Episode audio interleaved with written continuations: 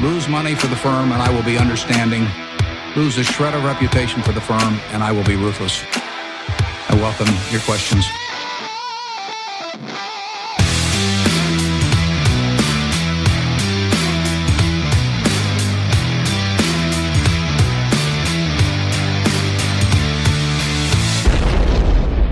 Och hjärtligt välkomna till Kvalitetsaktiepodden. Det är jag som är Ola. Här är jag som är Marcus. Ja, det är jag som är Klas. Eh, det här är avsnitt 147. Släpps natten till torsdag den 20 juli. Men spelas in vid lite olika tidpunkter innan vår semester. Det är en bra bit fram i tiden den släpps alltså. Mm. Eh, ja, vi gillar ju att ta lite ledigt under sommarmånaderna. Och eh, ja, vi testar ju något nytt. Det här vet ju alla som lyssnade på förra avsnittet. Att eh, vi tänker då ha två juliavsnitt där vi har en, press, eh, en djuplodande bolagsintervju och en eh, lite matigare lyssnarfråga på slutet. Och eh, vi hoppas att ni ska tycka det här är riktigt eh, kul då. Eh, och idag så ska vi ju prata med VD James då från AQ va? AQ Group. AQ Group. Ja. Eh, men några då. Så även om de är lediga, Så, så har de ändå... De, de jobbar på. de jobbar på. Ja. De har både sina placeringar och eh, sina andelsägare i fokus. Vilka kan det vara Ola? Jag gissar att är Peter och Håkan på Cavalier. Jag upplever, jag upplever att mina, de här frågorna kan vara lite ledande ibland. Ja, ja. Mm. Men det var rätt. det var rätt. Igen. Ja, det är Ja. otroligt. Eh, vi har naturligtvis som vanligt med oss vår huvudsponsor Cavalier AB. Eh, och vi vill ju berätta att det är aldrig för sent att börja månadsspara långsiktigt. Både åt sig själv och sina nära eh, och kära. Eh, regniga sommardagar eller alldeles för varma sommardagar skulle det kunna vara i år också. Ja, visst. visst. Det har varit väldigt varmt. Behöver man krypa undan lite grann va? Mysa lite. Ta något eh, go- kallt att dricka och, och omedelbart börja fundera över, Över det här med Pensionen eller... pensionen. va? Eh, eller varför inte ett månadssparande? Mm. Och ett månadssparande är ju toppenbra för det hjälper oss att hantera det jobbigaste som finns på börsen. Ja, det är ju timingrisken då, att man ska köpa allt vid en börstopp. Va? Mm, för då är det hås. Men Och då är eh, det det, ganska ofta dåligt på sommaren, alltså börsutvecklingen. Ja, Så då är det ganska bra med det kan vara ganska bra att börja. börja på sommaren kan man få en liten edge direkt. Kan, kan kan vara. Det, det har jag inte ens tänkt på. Nej, den var ju fantastisk. Mm. Eh, men det är ju det att man kanske köper både när börsen är lite dyr men också när den är billig. Så, man kan passa på att starta en ESK redan idag om man inte har ett att sätta eh, in. En, en peng. Vad tror du om det? Ja, det tror jag är jättebra. Och sen eh, fortsätta med det. Mm. Det går fort att vänja sig av med att man inte har den där eh, lilla slanten men du kommer vara så himla glad om 15 år när det här har vuxit sig till en, Ränta på ränta. Ränta på ränta. Va? Eh, när man ska investera den här lilla pengen då, eh, då har ju Cavalier två fina långsiktiga fonder som kan göra ett bra inslag i den här portföljen man bygger upp. Och Det är ju fonderna Cavalier Investmentbolagsfond och Cavalier Quality Focus. Och vill man veta mer om eh, de här fonderna och filosofin bakom så hittar man all information man kan önska sig på cavalier.se. Och där kan man också prenumerera på de informativa månadsbreven med både en kortare makrospaning och lite djupare information om några av bolagen i fonderna. Köpa in sig i fonderna kan man göra hos bland annat Nordnet, Avanza och Saver. Och när vi som vanligt när vi pratar om fonder, då är det viktigt att komma ihåg att historisk avkastning i fonder inte behöver vara en indikator på framtida avkastning och att ni kan förlora delar av ert satsade kapital då fonder både kan gå upp och ner i värde. Tack säger vi till vår huvudsponsor Cavalier AB. Ja, vi vill ju också tacka vår äldsta samarbetspartner Börsdata. Värdeinvesterarens bästa vän. Är man inte medlem hos Börsdata än, Blir det. blir det Börsdata eller borsdata.se. Mm, Låter ju lite place konstigt, to go. men det är där du skriver in. Ja, det är det man skriver in. Behöver inte säga mer. Nej. Tack säger vi till Börsdata. Innan vi går vidare i avsnittet vill vi på- påminna våra lyssnare om att aktieinvesteringar alltid innebär ett stort risktagande. Aktier kan både gå upp och ner i värde. Satsa därför aldrig kapital på aktier som du inte är beredd att förlora. Det vi säger i podden ska aldrig betraktas som köp eller säljrekommendationer. Gör alltid en egen analys av bolagen innan eventuell handel. Ja, Då närmar vi oss väl huvudnumret här va? Ja. För den här podden. då är det dags för en intervju med VD James Argren på AQ Group. Vi hade ju hoppats att eh, kunna komma iväg till Västerås, men eh, våra agender gick inte riktigt att förena för en sån tripp här innan semestrarna. var väl skolavslutningar och, och lite grejer va? lite grejer. Eh, vi var ändå fyra stycken där som skulle komma samman. Så, men det här löste vi naturligtvis via en eh, bra videotjänst. Eh, Så den eh, intervjun den kommer här. Då har vi den stora glädjen att välkomna AQs VD James Argren till podden. Välkommen! Tack så mycket. En ära att få vara här. Jättekul att ha med dig. För de av våra lyssnare som inte är så insatta i AQ, hur kan du beskriva bolagets verksamhet lite kort? Eh, Vi är en kontraktstillverkare som verkar på 15, eller vi producerar produkter i 15 länder till krävande industrikunder. Eh, Som, ja, så kort. Ja, det, det är ju krävande kunder, det, det är bra. Det låter lukta mot här direkt här. Hur, hur hamnade du själv på AQ?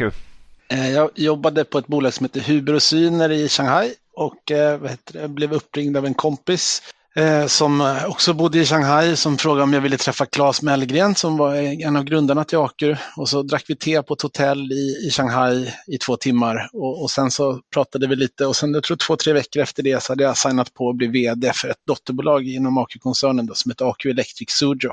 Och därifrån var det bara raka vägen till vd-stolen sen då? Ah, det vet jag inte, men, nej, men jag kämpade väl på där i fem år i Kina. Vi hade ett, eh, det, det, det var väl inte helt friskt det bolaget jag fick ta över och, och, och så vi vände väl runt det och fick det att växa och, och, och sådär. Det var, det var en rolig resa. Eh, sen så kände väl jag och frun att det var dags att komma tillbaka till Sverige och få barn som kunde gå i trappor och uppförsbackar och sånt där och inte eh, blev så här hemmakatter som man lätt blir i en storstad. Så då åkte vi hem och då fick jag jobba med sälj och marknad i Akus koncernledning i fem år, samtidigt som jag också var affärsområdeschef för formsprutning eh, och eh, även vd för Acuplast. Plast. Eh, så jag hade några olika stolar där. Så det var, ja, och sen så hade jag ett litet uppehåll. Ibland behöver man ju veta vad man, vad man saknar för att uppskatta det, så att säga, om ni förstår vad jag menar. Så, så jag hade ett litet uppehåll där jag jobbade på AB Traction i, i Stockholm i ett och ett halvt år innan jag fick komma tillbaka till Aker som koncernchef. Då. Om vi tittar lite grann och går in på AQs kunder då. Hur, ser en typisk AQ-kund ut?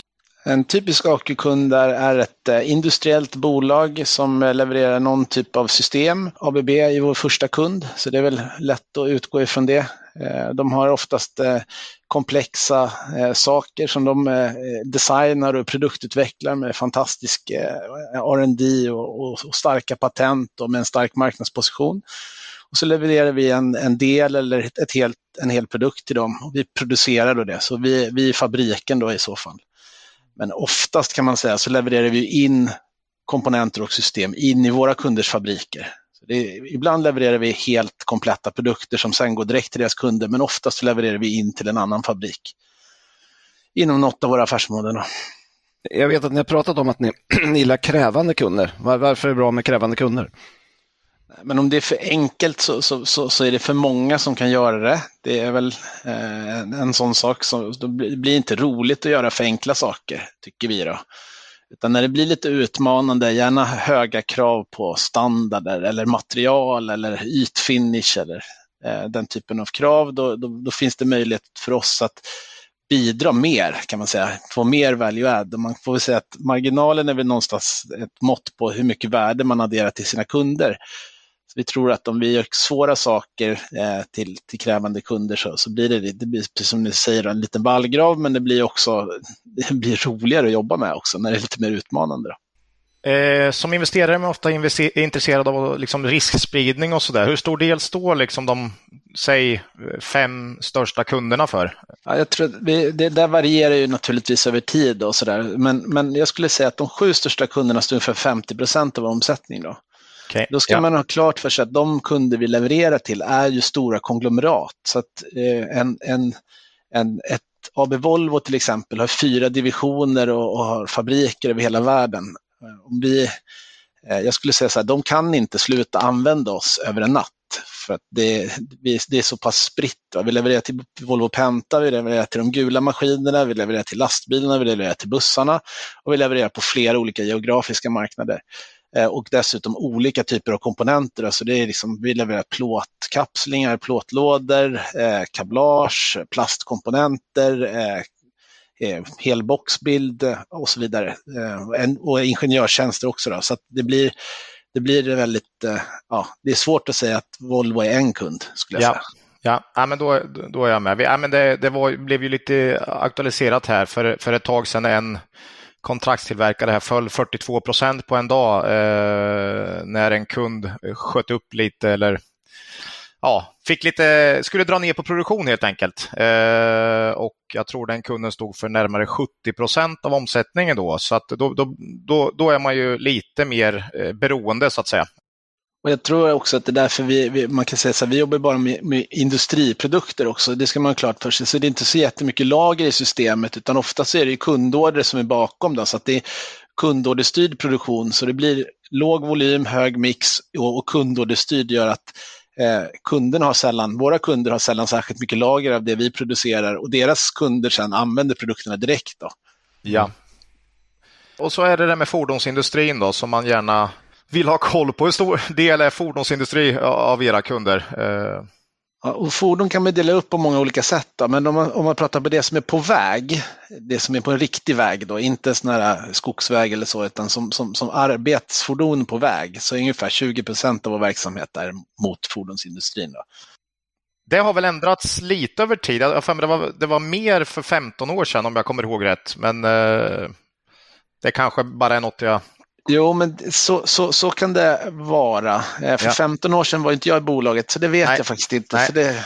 Det var bra att du tog i så pass långt bak i tiden Ola, att det var omöjligt att, omöjligt att kontrollera. Ja, det var skönt. Vi pratade ja. lite innan här och jag sa att AQ är ett av de bolag jag har följt längst och sådär. Så men, men, samtidigt sviker ju minnet på 20 år så att man, man kanske ändå inte kommer ihåg vad, vad, som gällde på den tiden. Liksom. Men är det, här, är det här svårare kunder att förhandla med, liksom, tycker du? Eh, jag tycker att svårt är ett svårt ord, höll jag på att säga, men det är hur långt är ett snöre? Så något, något, sånt där. Det, det finns, eh, det finns problematik med, de har ofta väldigt svåra av, avtal. Alltså, de har ho, ofta horder av journalister, eller journalister ska jag inte säga, jurister. jurister ja. Ja, duktiga jurister som, som sitter och, och, och kommer på eh, svåra formuleringar och sådär. Så, så det kan vara ganska komplext. Då. Och sen, Sen så, så, så, är det ofta väldigt stora organisationer också, så ska man förhandla om, om höga belopp så, så, ska det ofta gå väldigt högt upp i en, i en stor organisation. Då. Så det, det, tar i alla fall tid, så kan man säga. Okay. Så det, och, och, och, sen så tror jag också att de är så pass eh, välskolade också inom inköpsskrået också, så att det gäller att eh, man har sina, man kan sina fakta, eh, måste man kunna, eh, och sen så, så, så måste man också eh, eh, vad heter det, våga slåss med svärdet lite sådär. Att det, det liksom är så lite så att eh, en produkt vi förlorar pengar på, det är inte intressant för oss eller dem att vi fortsätter med den egentligen. Nej. Så, så, så då måste man kunna sina fakta och säga så här, den här tjänar vi inga pengar på, vi vill avsluta den här produkten och, och så, så att man inte är fega där och säger så här, men kan inte ni snälla, vi behöver, vi förlorar pengar på den här och så där, utan man måste vara ganska hård i, i förhandlingarna faktiskt. Ja. Mm. Ja. Eh, där, där har jag ju en fundering, när man hamnar i ett sådant läge, kan, är ni så pass nära kunden så ni också kan ta en diskussion om alltså design och så? Liksom? Skulle vi inte kunna göra det här på ett annat sätt? Kan ni initiera en sån dialog? Absolut, och, och, och, det är väl det som de förväntar sig av oss. Någonstans så, alla våra kunder förväntar sig egentligen att kostnaden ska bli lägre varje år. Och det rimmar ju väldigt illa med om man har inflation. Inflation har vi alltid på något sätt och, och allting blir alltid lite dyrare. Och då måste man ju komma på någon smartare lösning och då kan det vara att byta ut ett eh, plastgranulat mot ett annat, kanske återvunnet eh, plastgranulat och då måste vi ha tekniker då som, som kan svara upp mot det. Så jag brukar säga så här, vi har nästan inga säljare på AQ. Vi har en jätte, jättemånga tekniker egentligen som ska försöka hjälpa kunden att komma på en smartare lösning. Vi hade ett exempel här, vi hade en, ett stort, en stor plåtlåda egentligen som eh, var designad kunden hade designat den själv eller om det var en annan leverantör som hade designat den. Så kom den till oss och så tittade vi på den här och så sa vi så här, ja, men vi kan designa om den här. Eh, och, och, så kom vi på att vi kunde spara 300 kilo i vikt. Då. Och då blir det blir kostbesparing direkt. Va? Sen så, så är det inte alltid att kunderna, det, kost, det finns en kostnad att byta design också. Eh, och, och, så, så det gäller att det blir tillräckligt värdefullt för kunden att göra det. Då. Men, men det blir också en, en, del i det hela. Om kunderna vill sänka kostnaden på en produkt så måste man vara beredd att göra förändringar också tror jag. Ja, nej, men det här är intressant och det är liksom dialog med befintliga kunder. Men hur går det eh, till normalt när ni tar in en ny kund i AQ? jag, jag, tycker att det är en bra, vi brukar prata om att sätta potatis lite, eller liksom, man sätter potatisar nu och så kanske man får så, så potatis i framtiden då, om det går rätt. Då. Så man, jag kan ta ett ganska bra exempel. Eh, vi gör eh, kablage till Scanias eh, lastbilshytter. Eh, den säljprocessen började för kanske 6-7 år sedan ungefär. Och, och, nu är det serieproduktion och då, då, då var det inte att vi började säga att vi vill göra kablagen till de här lastbilshytterna utan det började med att vi träffar Scania och säger vi har en jättefin fabrik här och vi tycker att den borde passa er. Kommer de och besöker oss och sen kommer någon från Volkswagen och besöker oss och sen är det kundaudits. Sen kanske man får ett litet jobb till eh, Scanias bussar och sen så, så kommer, och så byggs det på efter, eftersom. Så det är långa säljcykler och det där kan ju vara jobbigt då om man tänker att, oh, men gud vad jobbigt med långa säljcykler, hur ska man växa en sån affär? Men samtidigt så blir det också, eh, när man väl har vunnit en affär så tar det ganska lång tid innan man förlorar den. Då. Ja, så, men i, i slutändan här då, varför, varför väljer kunden AQ? Är det, är det kvalitet eller är det den här det är den magiska kombinationen som vanligt, kvalitet och pris? Eh, jag tror att det, det, det, det, enda som vi kan skilja oss på åt egentligen, eh, det finns några olika saker, men det vi egentligen enda vi kan skilja oss på det är våra människor. Då. Eh, det låter så här klyschigt att säga så, men det är bara vi som kan ha de människorna som vi har. Så det är, någonstans är det där, det är därför kunderna väljer oss. Det är för våra medarbetare är kompetenta och skickliga och är nära kunden, jobbar med kunden varje dag och hjälper kunden att nå sina mål det är det enda sättet för oss att liksom särskilja oss för att alla kan köpa en, en laserskärmaskin eller en bockningsmaskin. Vi kan ju vara lite bättre och effektivare på att använda den på, men någonstans så, så är det i slutändan så är det ändå att vi är nära på kunderna hela tiden och inte då kanske bara krängande så, utan verkligen så här, hur kan vi hjälpa dig idag? Vad kan vi göra bättre? Hur ska vi få det här att bli, liksom, e, er, eran, affär att bli mer lönsam? Och någonstans så, så, så är det, det, det, vikt, det är otroligt viktigt för oss att våra kunder tjänar pengar det ger ju också möjlighet för oss att tjäna pengar. Så när jag ser att Volvo har rekordtillväxt och tjänar jättemycket pengar, det är fantastiskt för oss. Det innebär ju att vi hjälper, då, då är vi, vi är en väldigt liten del, av, ska man ha klart för sig, även om det är vår största kund, så är vi en väldigt liten del av deras leverantörskedja. Men någonstans känner vi att vi är lite delaktiga i att de är ett framgångsrikt företag. Va? Mm. Så det, det, ja. Mm. Någonstans där. Ja, här, här pratar vi liksom, det känns ju som att ni har närmare förhållanden idag med era kunder än ni haft förr. Stämmer det? Har det liksom förändrats på senare år för er kontraktstillverkare? I alla fall svenskar då? Eh, jag vet inte om det har förändrats. Vi försöker hela tiden vara så nära vi kan och, och, och hjälpa kunden med så mycket olika saker som möjligt.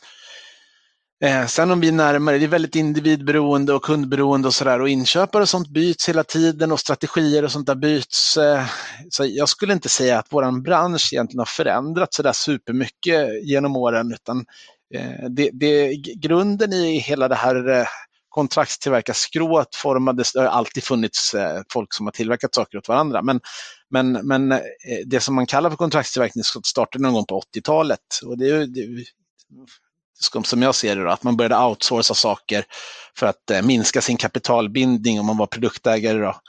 Eh, och, och, och, och sen så, så, så i, i, genom vad man kallar för strategiskt inköp och, och så, så formades väldigt mycket av General Motors skulle jag säga. Deras sätt att, att köpa in eh, i, i liksom den skolan som alla större industribolag försöker använda idag skulle jag säga.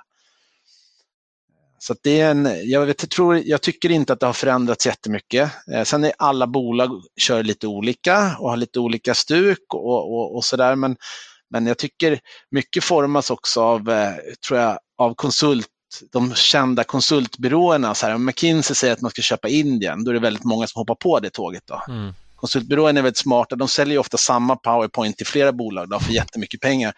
Eh, så att ofta så blir det lite så här trender. Ett tag var det att man, allting skulle vara i Kina, liksom. även fast det inte var logiskt. Vissa saker var logiskt att tillverka där och andra saker skulle man absolut inte göra det. Så att det där är väldigt spännande och där försöker vi påverka våra kunder och säga att vi vet ju bättre vi vet ju också mycket och ofta bättre än McKinsey då, tycker vi, då, vart man ska tillverka saker. Och sådär.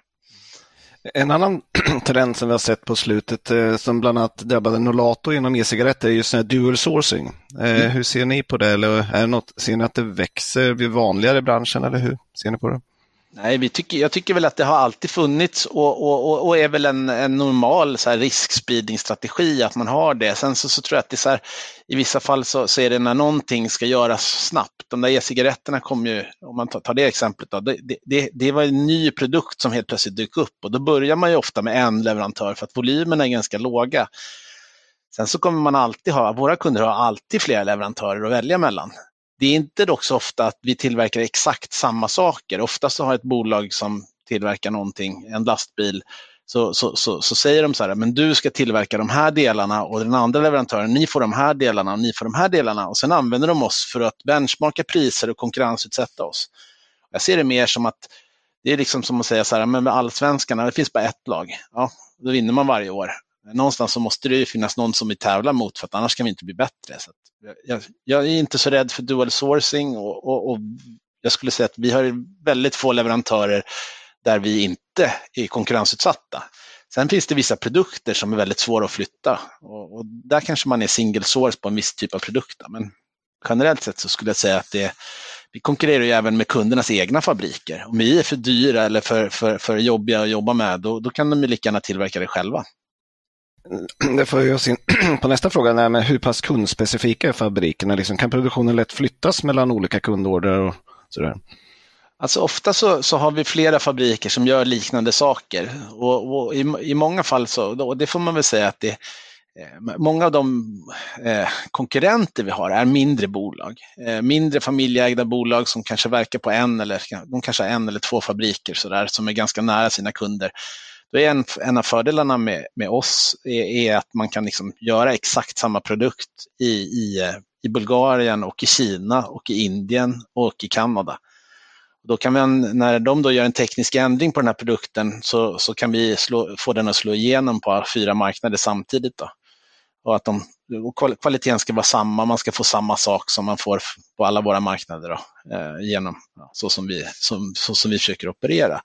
Sen så, så, kan man väl säga, det är inte så att man kan slå på en lampknapp så här och flytta någonting, utan det är ganska komplicerade grejer vi gör, så att det är inte så att vi kan det är inte jättelätt att liksom flytta någonting. Sen är det kris och sådär, om man behöver flytta något så kan man göra det snabbare naturligtvis, men ofta så tar det ganska lång tid att flytta en produkt. Så det är inte så att vi liksom så här, den här orden lägger vi i den fabriken, den här lägger vi i den fabriken och den där lägger vi i den, utan eh, om vi inte redan tillverkar samma sak i, i båda, det vill säga att vi har en, en, en AQ dual source, om du förstår vad jag tänker då. Mm.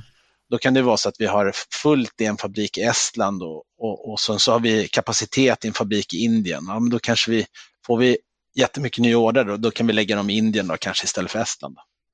Men, men ställtider är snarare veckor och kanske någon månad än, än enskilda dagar så att säga?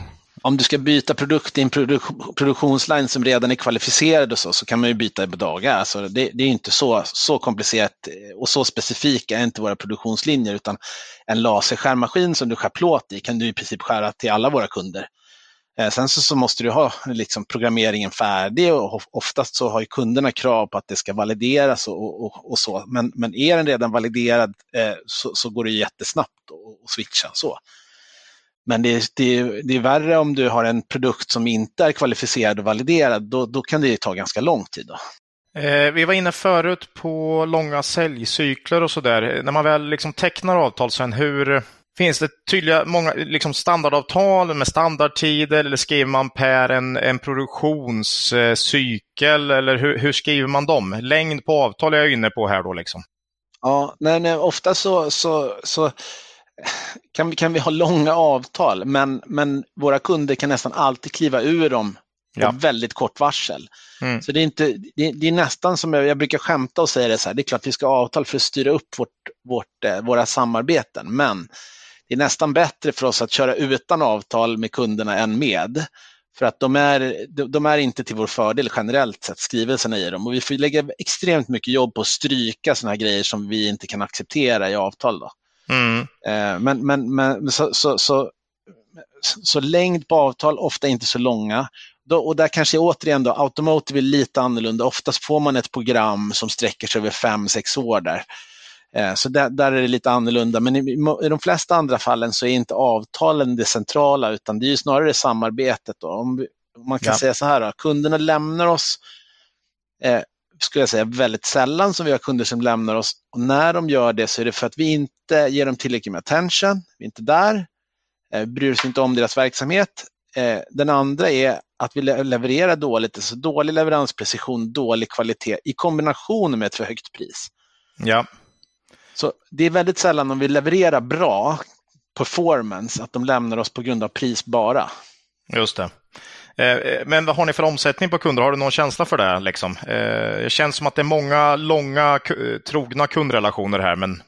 Eh. Och, och, kunderna är ju så pass stora också så att ofta så har vi, det är svårt att säga så att en kund köper vi bara en grej av och, och sen så lämnar de. Så att, mm. eh, det, det, det, det, är jag skulle säga att det är väldigt liten omsättning. Det är väldigt sällan vi får en ny kund som blir substantiell och det är väldigt sällan som en substantiell kund lämnar oss. Då.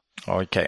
Ja. Eh, så, så, så, och det är det, kundkoncentrationen kan ju då också se väldigt hög ut. Men, men det är klart att vi förlorar ibland en, vi offererar en plåtbit och vi förlorar den mot någon annan konkurrent. Men det är ju inte en förlorad kund på så sätt, utan någonstans är det en pågående relation. Så att, eh, men det är klart att vissa mindre kunder där vi bara tillverkar en produkt, eh, ja, jag kan tänka mig, jag har kanske en kund liksom som har lämnat, som jag kommer på nu, som har lämnat ja. mig de senaste tio åren som är så här att ja, hela kunden försvann. Ja, ja. Vad var, mm. vad var orsaken till att de lämnade? Kan du säga det? Eller? Ja, nej, men jag skulle säga att det, det var att vi inte, vi, vi, vi var inte tillräckligt mycket där och tyckte inte, vi älskade inte kunden tillräckligt mycket. Det skulle säga huvud, huvudorsaken. Sen så, så, så, kan det vara så att vi inte hade tillräckligt konkurrenskraftigt pris. Mm. Mm. I kombination med det. Men, men någonstans så, jag, jag tror vi, min, min, eh, min chef och, och huvudägare Claes, han brukar alltid säga så här, vi gjorde ett projekt på ABB på, på nu kanske jag säger fel, men 80-talet som hette AT50 och man skulle sänka kostnaden med 50 procent på, på allt. Liksom. Och, och, och då så, så hade de gjort en undersökning varför kunder lämnar. Då. då var det Eh, och 75 procent var ju liksom just det här med att man inte är där för kunden. Kunden känner ja. inte att man är närvarande. Va? Att man inte bryr sig. Det kan man ju relatera till själv också om man går ja, in i en butik och man känner att kunderna inte bryr sig. Då, då, då går man gärna någon annanstans där kunderna är mera mm. där. Mm. Det här med att vårda och behålla befintliga kunder jämfört med att hålla på och jaga nya hela tiden. Det är, mm, det mm. är en nyckel kan man säga. Eh, ni har ju konkurrenter naturligtvis. Vilka ser du som AQs största konkurrenter? Ja, men det där stora, största, vi, eftersom vi är verksamma på, vi är, en del tycker att vi är lite spretigare eftersom vi gör väldigt många olika saker i våra olika affärsområden. Så det är klart att vi har stora konkurrenter i respekt, mot respektive affärsområde. Så man, kan, man kan nämna no, några till exempel, jag, jag, skulle säga så här, om jag säger en stor konkurrent på formsprutningssidan skulle jag säga att Nolato är en stor och välkänd konkurrent som är väldigt duktig inom formsprutning. Um, om jag skulle säga någon som var Eh, inom eh, något annat eh, affärsområde. Eh, man skulle kunna ta kanske, jag kommer inte på något nu som är relevant egentligen. Alltså det, det mest, det, de, oftast är det så att vi har en fabrik någonstans, låt säga att den är i Pune i Indien. Då konkurrerar vi med en indisk leverantör i det fallet, generellt sett. Då. Och, och, och de är inte stora och välkända ofta. Men, jo, men jag kan ta en till. På kablagesidan finns ett bolag som heter Madison Sumi som är från Indien just. De, de har köpt på sig massa fabriker och, och, levererar en hel del kablage till tåg och bilar och sådär.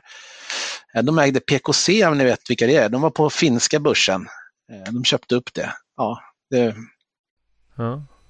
Så, så där fick ni några stycken då som är liksom konkurrenter eh, och som, ja, det, som är börsnoterade. Sen finns det ju så här peers som är stora, så här J-Bill och Sanmina och Flextronics och sånt, eller Flex som de heter nu. Mm som är globala peers. Men ofta är många är, är ju inne i det här elektronikskrået och levererar konsumentprodukter och där är ju inte vi då riktigt. Mm.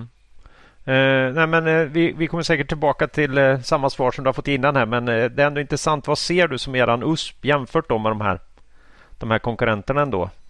Det jag lite var inne på tidigare då, med människorna. Då. Det, är där, det är där vi hamnar. Sen så, så kan man väl säga så här, vi har, vi får inte sticka under stolen med att vi har 80 procent av vår personal i, i, vad man skulle säga utvecklingsländer. Eh, och det finns ju en anledning till det och det är ju för att vi ska kunna kämpa, kämpa emot då, när kostnadstrycket blir hårt eh, med en konkurrenskraftig produkt. Så att, eh, sen så, så är, kan man väl säga så här att det, det, det, är, det är brist på människor som vill jobba i produktion jag skulle säga att det är färre och färre som ser sin, sin dröm, sitt drömjobb i en fabrik tyvärr. Jag tycker jag själv älskar fabriker men, men jag tror att det är, den, den bilden är inte så lätt att få i, i dagens samhälle och, och, och därför så gäller det att vara där det finns folk och, och det är då inte bara eh, operatörer utan även då tekniker som ska kunna sköta en robot eller en, eller en, eller en CNC-maskin eller liknande måste också finnas då. Så att, eh, vi, vi tycker att vårt, eh, vårt footprint är väldigt, väldigt bra på det sättet. Då. Vi, finns, vi finns där man tillverkar mycket saker. Vi finns i Kina, vi finns i Indien, vi finns i Mexiko, vi finns i hela Östeuropa i princip. Eh, så att, eh, vi tror att det är en styrka. Om vi växlar spår lite grann och går in på komponenter och inflation och så hur, hur ser ni, upplever ni komponentbrist i nuläget? Eh, görs det fortfarande köp på spotmarknaden och sådär eller? Alltså det, det, där är svårt att svara på eftersom vi köper ju ingenting på spotmarknaden eftersom vi inte tillverkar kretskort. Kretskort är, och, och, och där, där, får man göra skillnad på komponenter och komponenter. Det är lite där. Eh, alltså en, en, komponent i ett kretskort har det varit brist på. Och, och, och, och sen, sen så, så, köper man sådana på spotmarknaden, sätter dem på kretskortet, sen stoppar man in kretskortet i en annan komponent som kanske är en brytare eller en PLC eller något liknande. Den typen av komponenter köper vi ganska mycket, de här PLC-erna. Men de kan man inte köpa på spotmarknaden på, samma, på samma sätt, för de kommer från ABB eller Siemens eller GE eller något annat sånt stort eh, bolag. Eh, och, och, så så där, det, där blir skillnaderna. Vi har inte haft några spotköp, så skulle jag säga, eh, under, under hela tiden. Däremot har vi haft komponentbrist på grund av komponentbristen eh, i, i, på, på kretskortssidan, eller på de här kretssidan. Ja, det är lite intressant att höra, för vi har ju sett på en del andra eh, kontraktstillverkare att det har påverkat omsättningen kraftigt uppåt, men marginalen har ju då lidit av att man får ingen marginal på de här spotköpen så att säga. Men, men då är det ingen issue om man tittar på er historik då från de senaste åren. Nej, det skulle jag vilja påstå att det inte är, har, har varit en, en, en jätteissue med, med spotköp på det sättet. Sen har vi varit påverkade av pandemin, absolut. Och många av våra kunder har haft en väldigt ryckig produktion när de normalt sett brukar ha ganska stabil produktion och samma för oss. Då. Det har liksom varit så här att men helt plötsligt får vi in eh, de här komponenterna och kan leverera ut massor och sen så, så, så står vi lite och får bygga, kan, man kan säga så här, både kablage och elskåp framförallt har vi liksom fått bygg, förbygga och sen står det och vänta länge och så där. Det där påverkar vårt lager också då, för då har vi massa komponenter som vi redan har byggt klart eller nästan klart och så väntar vi på de sista. När de väl kommer in så kan vi leverera. Så det blir mycket mer stötvis då över, över månaderna.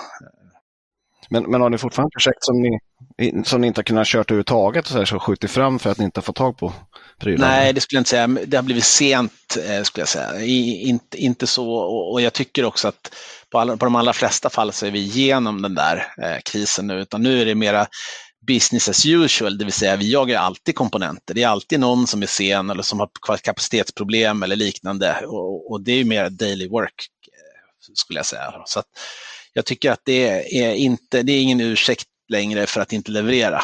Sen så, så, så, så, så, så har det gått över till, för vår del, mer att bli att vi måste jobba med kapacitet och ha, ha, ha tillräckligt med folk. Eh, så det är mer det som gör att vi inte kan ligga på vår normala leveransprecision som vi, som vi skulle vilja ligga på. Då. Eh, så det, det, det, det, är en utmaning för, för alla tillverkande bolag tror jag, att hitta tillräckligt mycket människor som vill jobba i fabrikerna. Om vi tar leveransprecision då igen och leveranssäkerhet. Ni ligger en bit under målet där eh, och har gjort ja. Eh, under ett tag. Hur mycket var komponentbrist där och hur, och hur ska ni komma liksom, hur ska ni komma upp till 98 procent här? Ja, men eh, komponentbrist för absolut har varit en, en, en issue under under 2020, 2021 och 2022. Men, men jag skulle säga att nu, så, nu, nu handlar det mer om att liksom, få Eh, tillräckligt med folk på plats som sen, för det, det är så här, tar du in en person från gatan så måste ju den, eh, hur kompetent man än är, om man ska göra någonting nytt som man aldrig har gjort förut, så måste man ändå lära sig. Så det finns en upplärningsperiod. Om, vi kan säga så här, ska du, göra, ska du, ska du komma upp i, i hög produktivitet på ett kablage, först måste du ha lite talang för det. Det är ett pilligt jobb och du måste kunna komma ihåg massa saker och, och göra massa saker. Eh, men, men det tar ungefär sex månader på en produkt för att du ska komma upp i, i rätt i rätt hastighet så att säga. Så att I många fabriker så har vi lite så överstaffade nu eh, och eh, har varit under en tid för att vi ska liksom kunna komma tillbaka och, och, och leverera så, så, så tajt som, som vi ska vara. Då. Men, men flera av fabrikerna ser det bättre ut, några, några fabriker är fortfarande kapacitetsutmaningar. Så ska jag säga. Ja. Eh, vi har ju läst en del från framförallt av konkurrenter som sagt att liksom man har haft bättre visibilitet på ordrar och så där för kunderna har lagt sina ordrar mycket tidigare på grund av liksom komponentbrist och så där. Eh, gäller det här AQ också att liksom det, visibiliteten minskar eller har ni, hur ser ni på det? Ja, nej, men i vissa, inom vissa av våra affärsområden så stämmer det väl. Jag skulle säga specifikt elskåp är ett sådant affärsområde där man har lagt ordret mycket tidigare för att vi ska kunna beställa komponenter tidigare för att det har varit så långa ledtider på komponenterna. Ja. Eh, så där stämmer det absolut. Eh, däremot så det, det, där vi levererar det vi det vi generellt levererar mot är forecast från kunderna och de ser likadana ut som, som, ja, som de alltid har gjort. Och, och, och, ofta då så har vi en 12 månaders forecast som de uppdaterar varje dag med så här EDI, Electronic Data Interchange. Eh, och sen, och sen så, så, så, så forecasten uppdateras varje dag och sen så har vi oftast ett orderfönster på mellan två dagar upp till eh, 12 veckor ungefär. Det är ungefär så vår våran världsbild ser ut med ordrar Eh, normalt. Men det känns som att ja, då har ni ganska bra koll på hur, hur det ser ut ändå liksom kommande, kommande kvartal och, och så. Eh.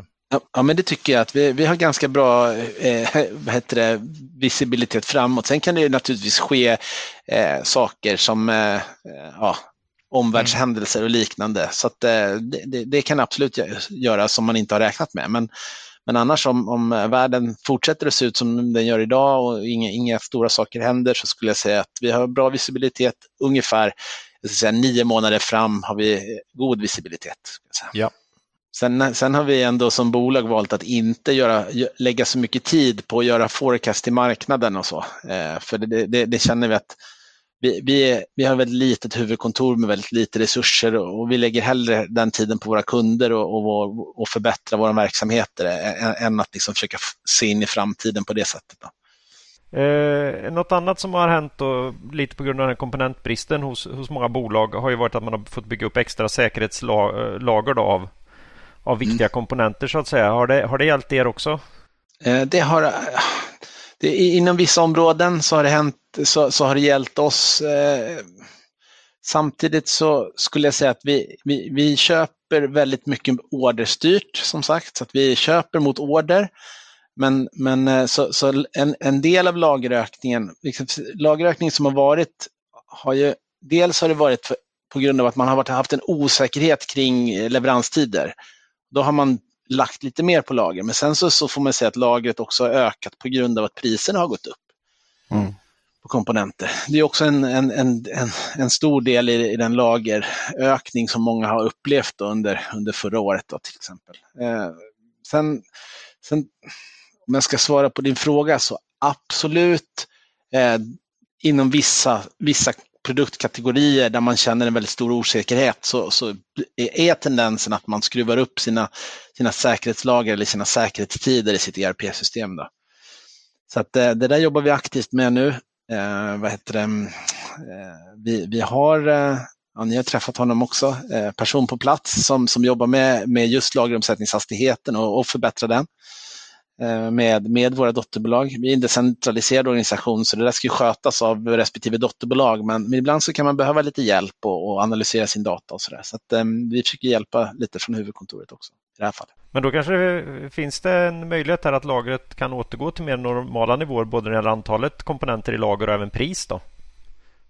Ja, eh, vad heter det? Jag tror inte att priserna kommer gå ner så värst mycket. Det, det ska jag säga. Det, det, det är jag lite skeptisk till. Men, men men eh, eh, vad, vad det gäller eh, i volym så absolut.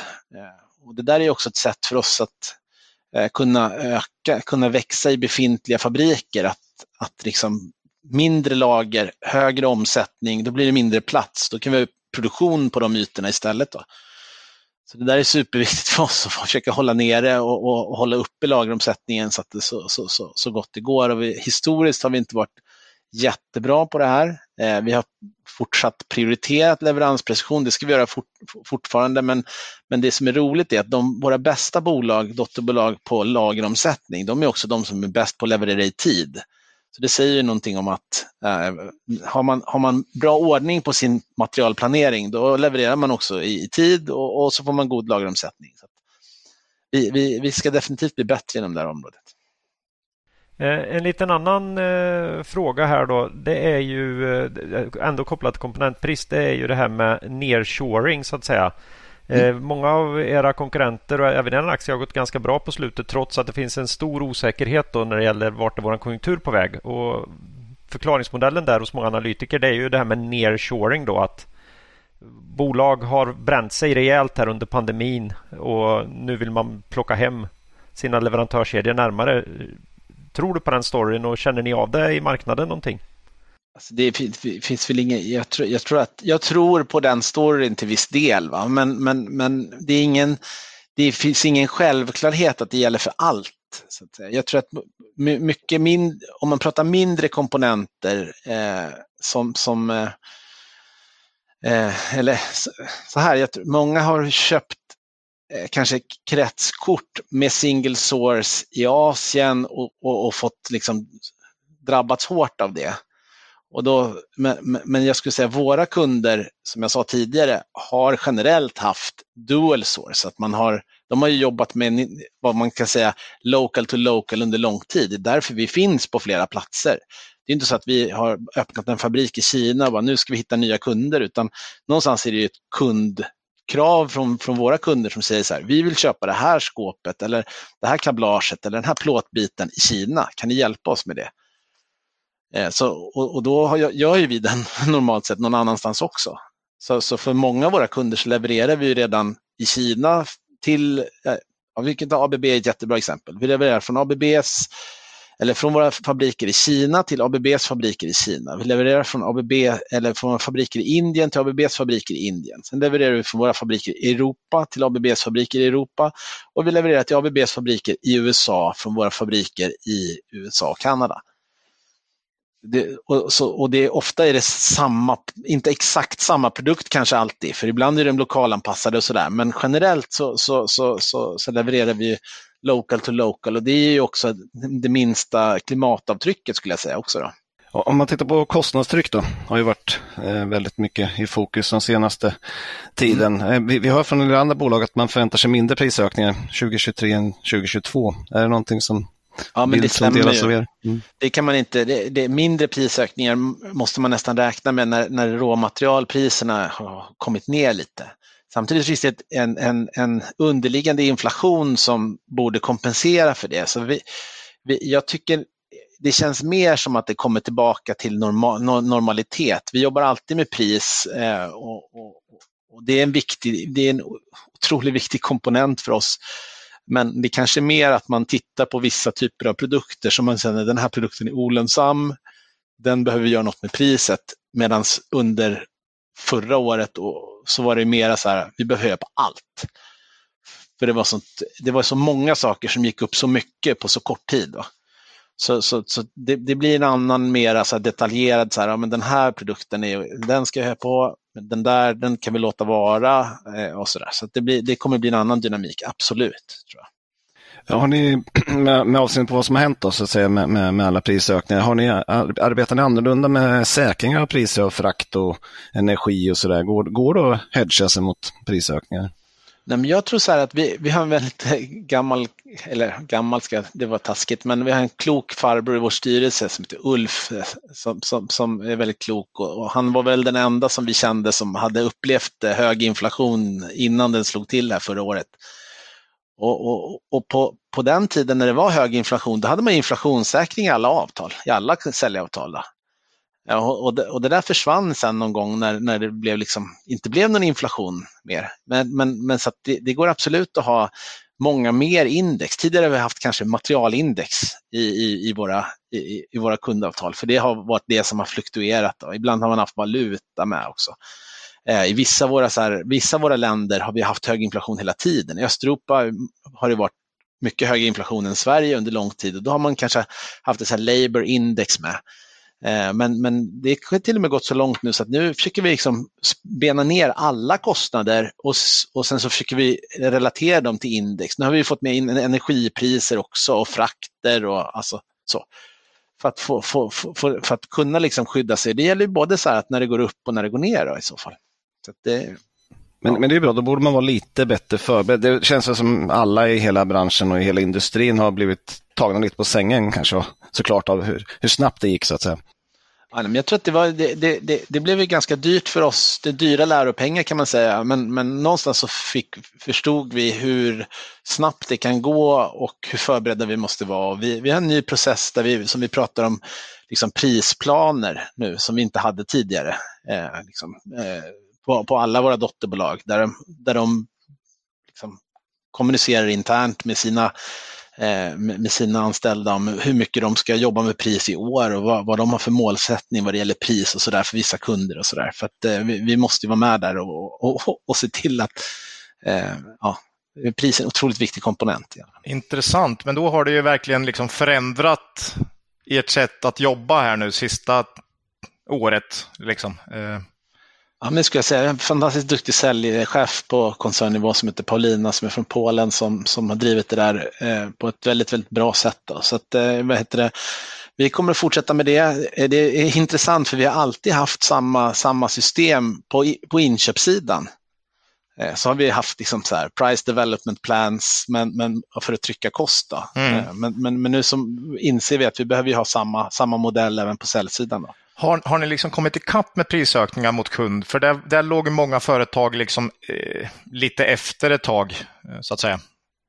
Men det känns som att vi har fått lite andhämtning i alla fall i och med att liksom priskostnadstrycket har minskat något. Energipriserna har kommit ner och sådär. Ja. Så det är svårt att säga att man är fatt. Man har ju alltid ett jobb att göra. Men, men, men, men jag, som jag sa, jag tror att det är mer normaliserad bild nu. Att vi, vi kommer att fortsätta jobba med pris. Eh, men, men, men eh, vad heter det, det är mer en normal, man vet lite så här, ja, men vi ser att inflationen har ändå kommit ner, ja men då vet vi ungefär hur vi ska liksom ligga. Någonstans borde vår prishöjning vara i linje med inflationen egentligen. Då. Just det. Vi hoppar vidare till det här, eh, något annat som alltid är intressant det är ju med kapacitetsutbyggnad och förvärv och sådär. Mm. Och eh, ni har kört igång ett par nya fabriker i Bulgarien och Litauen under 2023. Mm. Kan du berätta lite om dem?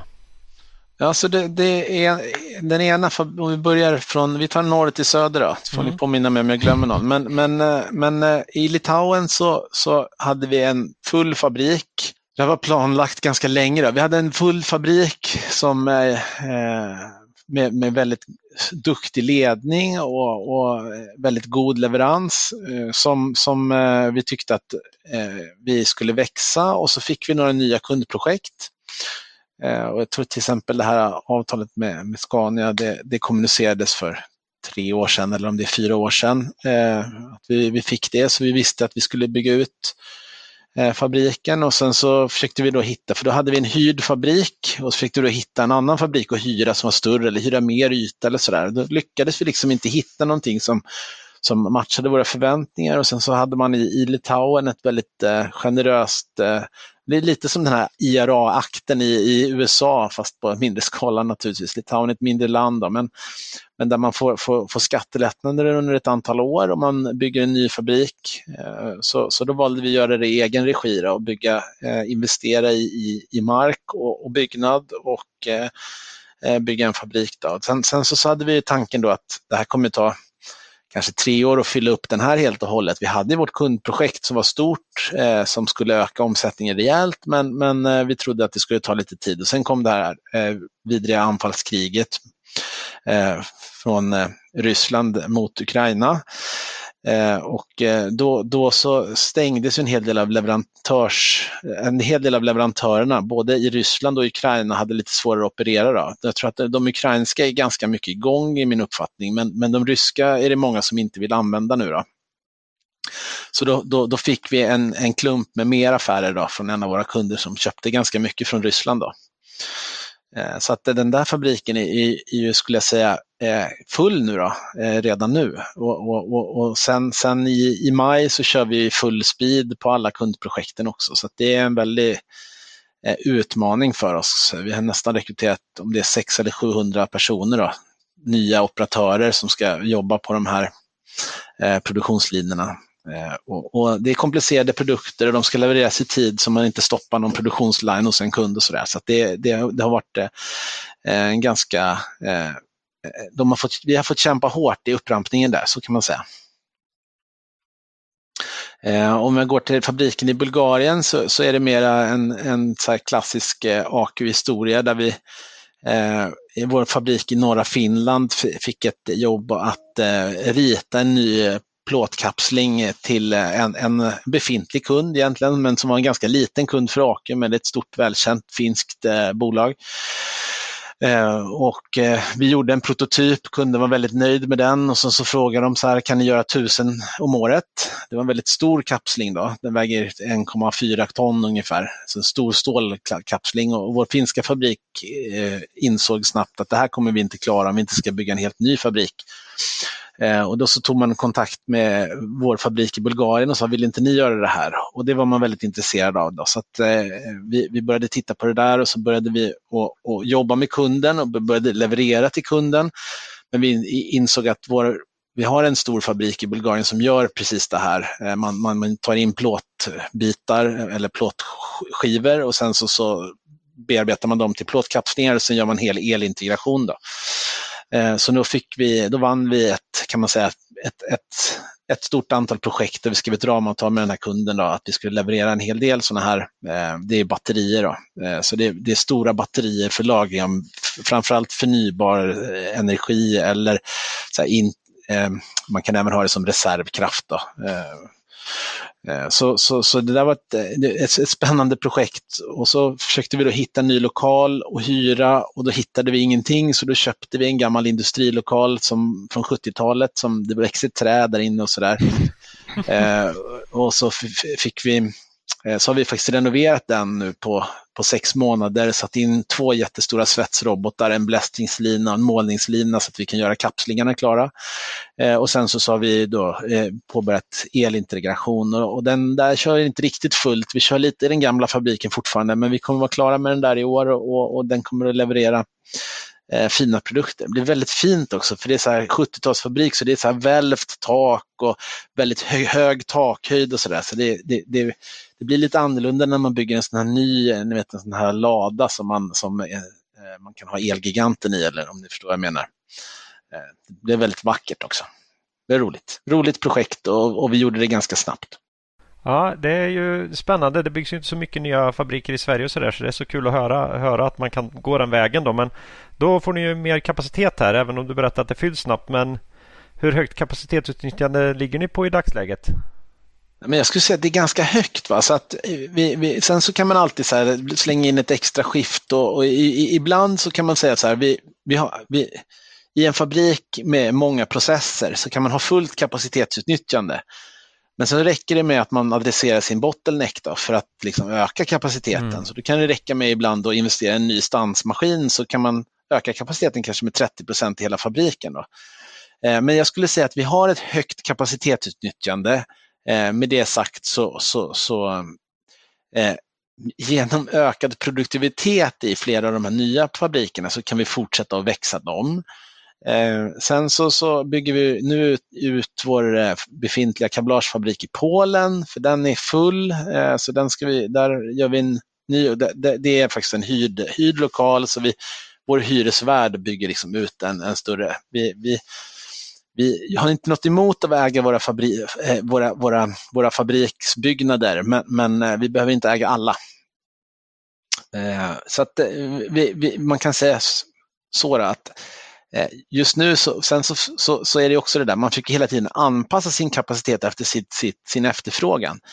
Så en fabrik som är, är, är, får mycket mindre att göra, där drar vi ner personal, då får vi mindre kapacitet. Så det är ett rörligt mål också. Då, så att, eh, ja. Det, det, verkar som att det är väldigt många kontaktstillverkare som ligger högt nu just i kapacitet. Så här, finns det risk att det här bara är ett uppdämt behov efter komponentbristen som var eller är det en strukturell tillväxt? Vad tror ni? Men jag tror att inom de områden som vi är verksamma om så är det en strukturell tillväxt. Alltså vi är ju väldigt exponerade mot elektrifiering och, och, och, och det jag har svårt att tro, alltså vi, den här omställningen, det går ju lätt att skriva under sådana här Parisavtal och sånt, men sen måste man ju faktiskt göra någonting också. Och, och, och, då, och, då, kommer det krävas jättemycket investeringar i infrastruktur. Eh, alltså energiinfrastruktur och järnväg och, och nya man kommer behöva byta ut alla, e, alla lastbilar, antingen mot vätgas eller mot el. Och man kommer behöva byta ut alla personbilar och ha, ha, ha laddnätverk och liknande för det. Och, och sen så ska man göra om, ja, ni vet, det, det finns alla möjliga satsningar. Va? Så att, eh, det där kommer att driva, tror jag, väldigt mycket tillväxt inom hela världen. Så jag har svårt att se att det, det, det, det behöver produceras grejer. Det går liksom inte med mjukvara bara, jag lovar. Mm. Och, det, och det är elektrifieringen som, som är den stora tillväxtdriven om man tittar på jag, lite sikt. Så att säga. Jag skulle säga att för vår del så är det elektrifiering. Vi växer även inom medtech eh, för att eh, det, och det tror vi också, det är, det är en åldrande befolkning. Det kommer behövas mer och mer utrustning för att skapa mediciner och, och läkemedel och så.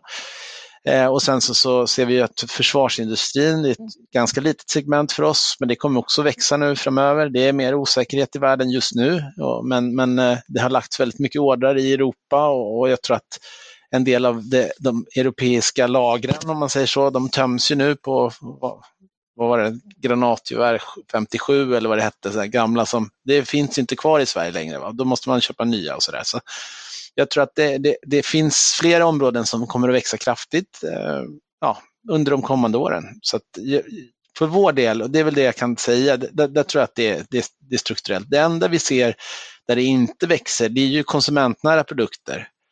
Där är det ju mycket svårare. Vi säljer en del eh, ja, plastdetaljer till Boschs eh, slip och skruvmaskiner och sånt där. Och, och, och, där ser vi väl, där, är det snarare att det går ner lite då. Men det var ju starkt under pandemin så det är väl kanske en sån effekt. Då.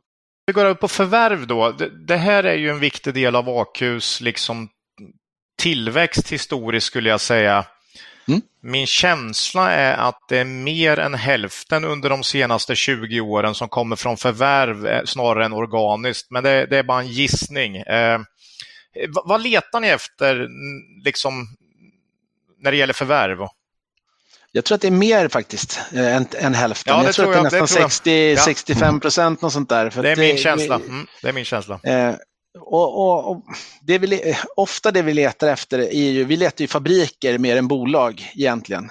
Det där är ju så, intressant, att det är just liksom, det är fabriken som är det ni köper. Liksom. Eh. Rent generellt så är det fabriken vi köper och då får vi med oss duktiga människor, om vi har gjort vår due diligence rätt, då får vi med oss duktiga människor, vi får med oss maskiner och lager och ett gäng kunder också.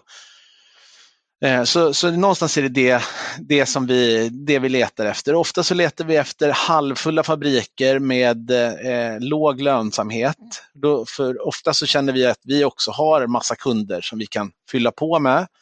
Eh, eh vi letar efter nya geografiska marknader eh, och, och, och så, så, måste de ju passa. Det måste vara krävande industrikunder. Mm. Eh, och sådär. Så att, vi, vi Eh, precis som ni när ni investerar, ni brukar alltid säga att gör din egen analys. Och det, det, är ju liksom det som är nyckeln för oss. Vi vill också ha margin of safety i våra förvärv. Vi, säger, vi vill se att det finns en uppsida. Eh, om det är ett bolag som är perfekt skött, eh, de har superbra kunder, jättehög lönsamhet, jättehög tillväxt, då blir det dyrt. Och vad kan vi tillföra mm. till det här bolaget? Ja. Då, då, då, är det ju redan där, så att någonstans vill vi känna så här att vad kan AQ tillföra till det här bolaget för att det ska bli bättre? Då passar det in hos oss, då finns det ju något för oss att jobba med. Är det, är det fortfarande så att ni kan liksom gå på eh, liksom 6-7 gånger ebit även om den här, den här liksom säljande bolaget vet att deras utnyttjande av fabriken är väldigt låg, då kanske de säger ja men om ni köper det här så kommer det bli fullbelagt.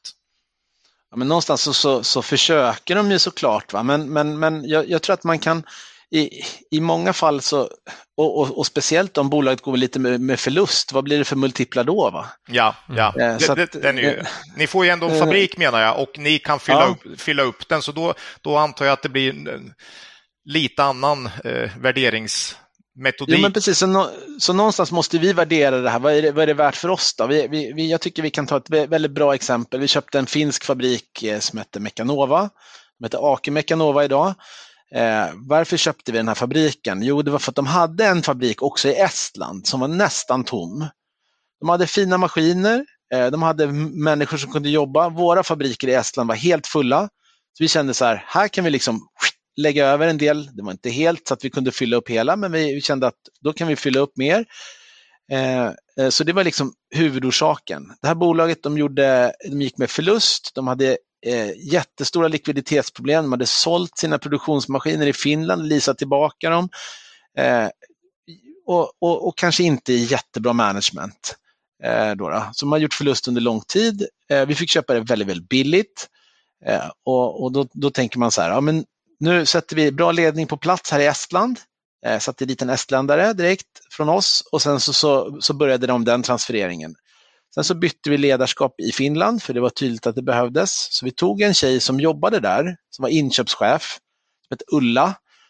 Eh, och hon hade jobbat där i 20 år med inköp och, och, nu så, så har hon liksom lyckats dubbla omsättningen i den fabriken. Hon tjänar 10% i Finland. Det trodde vi inte när vi köpte det.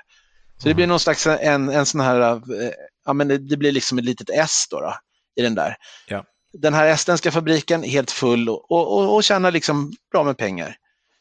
Det blir ett superförvärv då. Ja. Jätte, jättelåg multipel, eh, vad heter det, även om det blir lite goodwill för det var lite skuldsatt och sådär, så, så, så, så, blir det väldigt billigt förvärv. Vi får jättemycket produktionskapacitet eh, och vi fick in fina maskiner, duktiga människor och så vidare.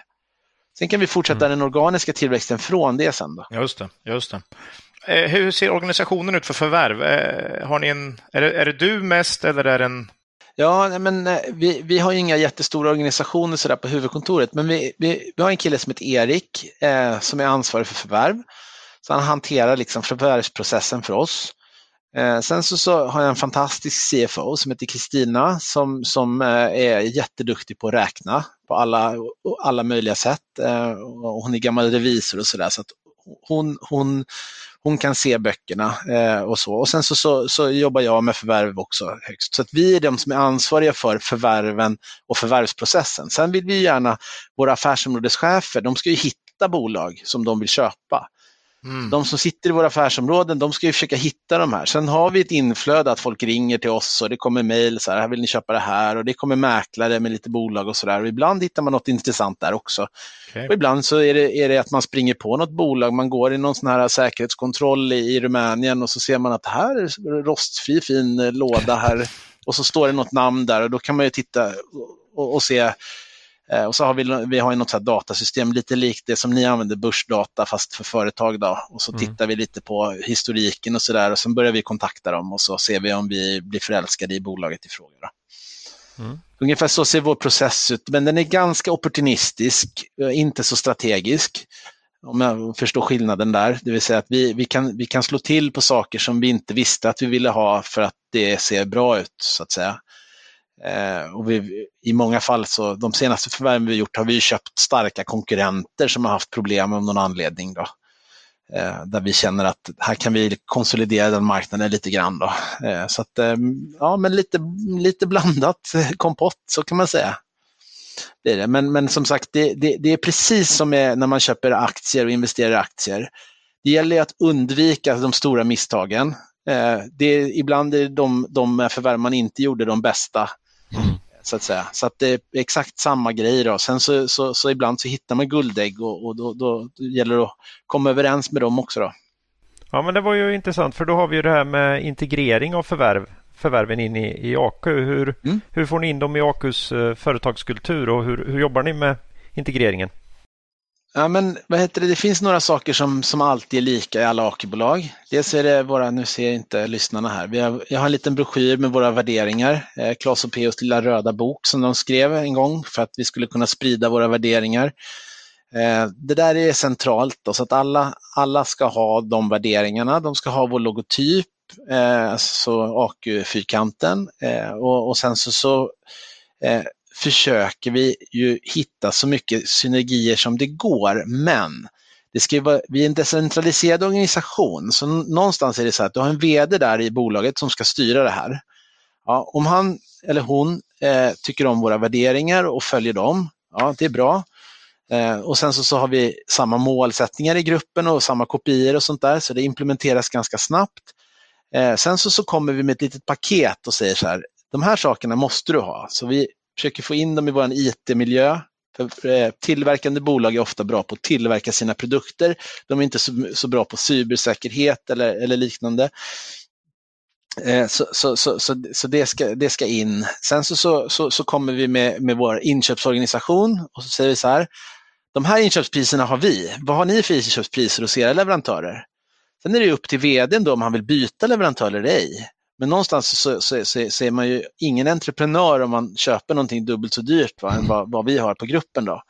Så någonstans så, så ofta så är de, de tydligaste synergierna i våra förvärv är på inköpssidan. Mm. vi lyckas få lägre inköpspriser för att vi är en större, oftast är vi ett större bolag än de vi köper. Eh, sen så är det det här med att hantera kunderna. Då. Vi vill att våra fabriker ska ha direkt, eh, direktkontakt med kunden för att få direkt feedback på om man inte gör bra eller, dålig, om man gör bra eller dåliga produkter så att säga.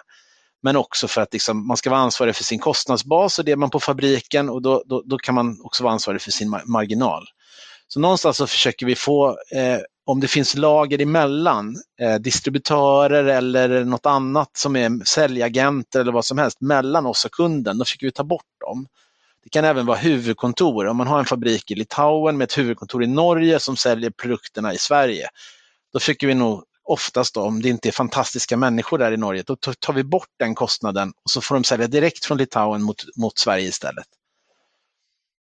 Eh, och, och det där brukar då eh, förhoppningsvis kunna resultera i, jag tycker att de förvärv som jag varit med i så brukar vi kunna ta fram 5-6 procent i, i, i marginal. Ungefär. Det är inte dåligt. Jag, jag tänkte på det du sa det här med att eh, eran IT, försöker ja. ni ha, jobbar ni med gemensamt affärssystem också då? Du pratar kopior och så här, var gemensamma eller får man behålla vi, det man har? Man får det eh, och det är igen då drivet av eh, den här lokala, det måste vara entreprenörsdrivet och vi vill inte toppstyra för mycket. Däremot så har vi ett väldigt bra affärssystem som är utvecklat i Sverige och som vi har i nästan alla våra bolag. Och oftast är det priset på det systemet så pass mycket billigare eh, och eh, funktionaliteten. Det är ett ganska enkelt system som har den funktionalitet man behöver för att driva en fabrik som är mellan 100 och 500 miljoner kronor stor. Eh, så, så ofta så, vi, vi, kan ta exemplet, vi köpte ett bolag i Ungern eh, nu här för två år sedan, lite, nästan mer än två år sedan, men det är ungefär två år sedan. Eh, och, och de hade ett fantastiskt väl implementerat SAP Ja, och då, då så, vad heter det, så, så, så sa han, vdn där, att vi vill inte byta. Okej, okay, men det här är det systemet vi har. Så, så skickade vi det till honom och sa att det här har vi på nästan alla bolag. Då såg han så här, oj, det är tre miljoner billigare per år. Mycket pengar eh, för en fabrik som omsätter 100 miljoner. Tre miljoner billigare per år. Sen så när han skulle byta kalenderår i SAP, för de hade brutet kalenderår och vi ville ha att alla ska ha eh, kalenderår. Då. Eh, eh, då kostade det en och en halv miljon för honom att göra det i SAP. Och då tyckte han så här att nej men, vi byter. Så bytte han på tre månader. Han är jättenöjd med det nya systemet. Så det, det, är någonstans så vi försöker ha vi, vi, vi, tycker, vi tycker om det här systemet som vi har eh, och, och, och, det, och, det, gör ju också att vi kan lära mycket lättare av varandra på det sättet. Men vi tvingar inte bolagen att byta. Det är viktigt, det måste finnas en driv från bolagen att, att byta. Däremot så vad det gäller den säkerhets IT-infrastrukturen, ehm, vi vill inte att alla ska ha egna datacenter i sin fabrik. De blir ofta gamla och, och, och det, blir, det blir gamla brandväggar och allt möjligt. Va? Så där, där, försöker vi, så där har jag en resurs eh, som, som sköter det tillsammans med en partner. Då. Så, så försöker vi se till att vi har en gemensam infrastruktur. Mm. Om vi tittar på det förvärvet som du gjorde av Schaffner eh, så ja. verkar vissa delar ha tagit ganska lång tid att få ordning på. Eh, vad berodde det på? Jag tror att det är lite flera olika anledningar. Någonstans så, så, så um, det, vi, vi hade ungerska bolaget där som jag nämnde, bytte, bytte affärssystem till exempel. Eh, sen så, så, tog det ändå, de hade när vi köpte det tror jag 21 medarbetare i Tyskland. Eh, bland annat så hade de så produktionstekniker som satt i Tyskland men fabrikerna var någon annanstans och lite sånt. Så vi behövde minska ner det och det tar lite tid i Tyskland kan man säga och kostar en del pengar också. Det gör ju också att det drabbar resultatet i, i den förvärvade enheten. Eh, sen hade vi ett volymtapp i Kina också som vi inte hade räknat med, som eh, har tagit lite tid att komma, komma till rätta med. Men, men eh, i övrigt så är vi ganska nöjda med det förvärvet. Vi är inte så kortsiktiga. Det behöver inte ta, alltså, vi, åtgärderna ska vi göra snabbt och aktiviteterna ska vi göra fort. Men vi, vi behöver liksom inte känna så att nej, nästa kvartal då måste det vara 3% bättre. Utan, eh, vi är inte så stressade utan vi ser en långsiktig potential i de saker vi gör. Ibland tar det längre tid.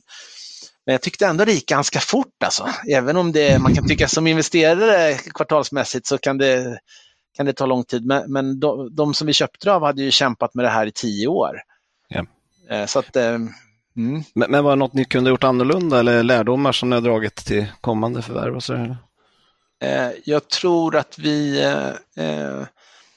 det, kan man, det kan man alltid, vad heter det, lärdomar kan man alltid dra. Jag tror så här att eh, vikande volym under, under förvärvsprocessen måste man eh, ta större hänsyn till. Då. Att det inte, är förmodligen inte bara tillfälligt. Mm. Det, det, var ganska länge sedan ni gjorde något förvärv nu. Eh, vad ja. beror det här på? Är det priserna som varit för höga eller har ni förlorat budgivningar? Ja, nej, men jag tycker att eh, Eh, en del av de saker som vi har tittat på så har priserna varit för höga. En del av eh, de bolag som vi har tittat på länge har inte velat sälja fortfarande, även fast vi tycker att det är dags sedan länge att eh, gå över till vår sida. Eh, men men ehm, vi, vi, vi, har varit upptagna med den organiska tillväxten, ska sägas. Och sen så, så, vi vill ju inte vara för högt upp i den finansiella svajmasten. Vi vill inte ha en balansräkning där vi är beroende av bankerna på det sättet att de kan, ska börja säga till oss vad vi får och inte får göra. Eh, så vi band väldigt mycket eh, kapital när lagren gick upp eh, och eh, vi växte organiskt väldigt kraftigt. Då binder vi kapital i, i, i kundfordringar också. Så att Eh, när, kassat blir, eh, lite, när, när kassan blir lite svag och, och, och belåningen högre så, så är vi lite försiktiga. Så att, ehm, eh, men med det sagt så, så gäller det att hitta tillräckligt bra bolag också. Mm. Men, men det är väl ganska fragmenterad bransch. Det borde väl finnas en del bolag där ute som skulle kunna vara intressanta? Absolut. Och vi diskuterar bolag varje vecka. Eh, och pratar med bolag varje vecka. Så att eh, det finns absolut en, en stor uppsjö bolag. Och då, då, finns det alltid så här, om du ska komma, någon ska vara beredd att sälja till våran prislapp och vi ska tycka om bolaget tillräckligt mycket. Och det, det är lite som, som att, när man ska hitta sin fru, eller jag på att säga, men man, man, liksom, man letar och, och, och, det tar tid innan man hittar rätt. Då. Så att eh, vi, vi, vi, vi, är, vi är kräsna och som sagt, ibland är de bästa förvärven de man inte gjorde alls. Vi känner oss inte stressade på det sättet heller, liksom, att vi ska leverera förvärv varje, varje år. Utan så. Även om vi har en målsättning att göra det och vi arbetar med det så är vi inte stressade på det sättet. Om vi går tillbaka till balansräkningen som du var inne på här nyss. Hur, mm. Eh, hur ser du på den i dagsläget och hur stort utrymme har AK, AQ skulle du säga? Nej, men jag, tror, jag tycker så här att vi, vi ska ju inte förvärva mer än det kassaflöde vi kan generera. Eh, så ungefär så skulle jag vilja, okay. vilja säga. Vi ska kunna leverera utdelning till aktieägarna och sen så ska vi kunna eh, köpa de maskiner och så vi vill ha i befintlig verksamhet. Och, och sen kan man väl säga att det är ju lätt, det är lättare mindre riskfyllt skulle jag säga att växa organiskt än att växa via förvärv. Mm så, så, så har man stora tillväxtmöjligheter där och, och, vi har investerat i, som vi talade om tidigare, de här två fabrikerna och, och, och mycket nya maskiner och så i dem, så, så, så är det kanske inte att föredra. Jag tycker båda är väldigt roliga och båda är viktiga för oss. Så, men men, men eh, då, då, får man kanske vara lite försiktig. Men, men jag skulle säga så om vi, om vi kan ha ett kassaflöde i linje med, med våran, våran eh, ebit eller EBT, för räntor är faktiskt också kostnader, eh, så, så, så kan vi göra förvärv för lika mycket skulle jag säga. Ja. Mm. Ja, jag eh, tänkte vi skulle byta lite fokus igen här då, eh, lite mot mål och vad, vad som kan tänkas hända i framtiden här. Och mm. Det här är ju andra gången AQ är med i podden. Det är första mm. bolaget vi har vd-intervju med två gånger. Jag tror vi har en av svaren här. Ni har ju valt att sätta mål på EBT-nivå och även på vinst per aktie. Det här tycker vi ju fantastiskt mycket om, men det är inte så vanligt. Varför har ni valt att göra det? Nej, men jag, jag var inne på det precis här. Det, det, är lite så här att eh, jag tycker att eh, vi, vi tycker att eh, räntor och skatter, det är också kostnader. Någonstans så handlar det och, och sen så tycker jag att man kan inte om man till exempel ska göra ett, om jag ska göra ett jättestort förvärv och sen tar jag in pengar från aktieägarna och gör det och spärrar ut alla, det, då, då, ökar inte vinst per aktie möjligtvis. Då, om det inte är, då, då ska det vara jädrigt lönsamt och, och, och en, en, riktigt, riktigt bra deal. Då. Men, så, så att jag, jag, ser väl det som är, det är därför som vi tycker, jag tycker räntor ska man ha, alltså det, det måste man ha med i sin kostnad. Jag blir nästan allergisk när jag ser så här justerad ebitda och det, det är liksom det, det, det, är någonstans man försöker visa att man gör hög vinst fast man inte gör det. Och det, det, det tycker jag är att, att försöka lura aktieägarna på ett sätt. Då.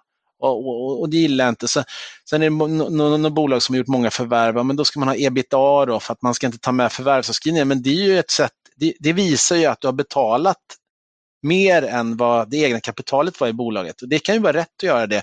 Men varför ska du inte ha med dig det sen i, i, i din, om din, din om din, vad heter det, ditt gebit är förvärv så att säga. Det finns en hel del förvärvsdrivna bolag på börsen.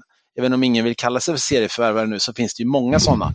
Men mm. de har en tendens att inte vilja ha med avskrivningarna i sina resultatmått och det fattar jag inte. För det är ju, det, det är ju deras verksamhet att köpa bolag. Då måste de ha med de avskrivningarna.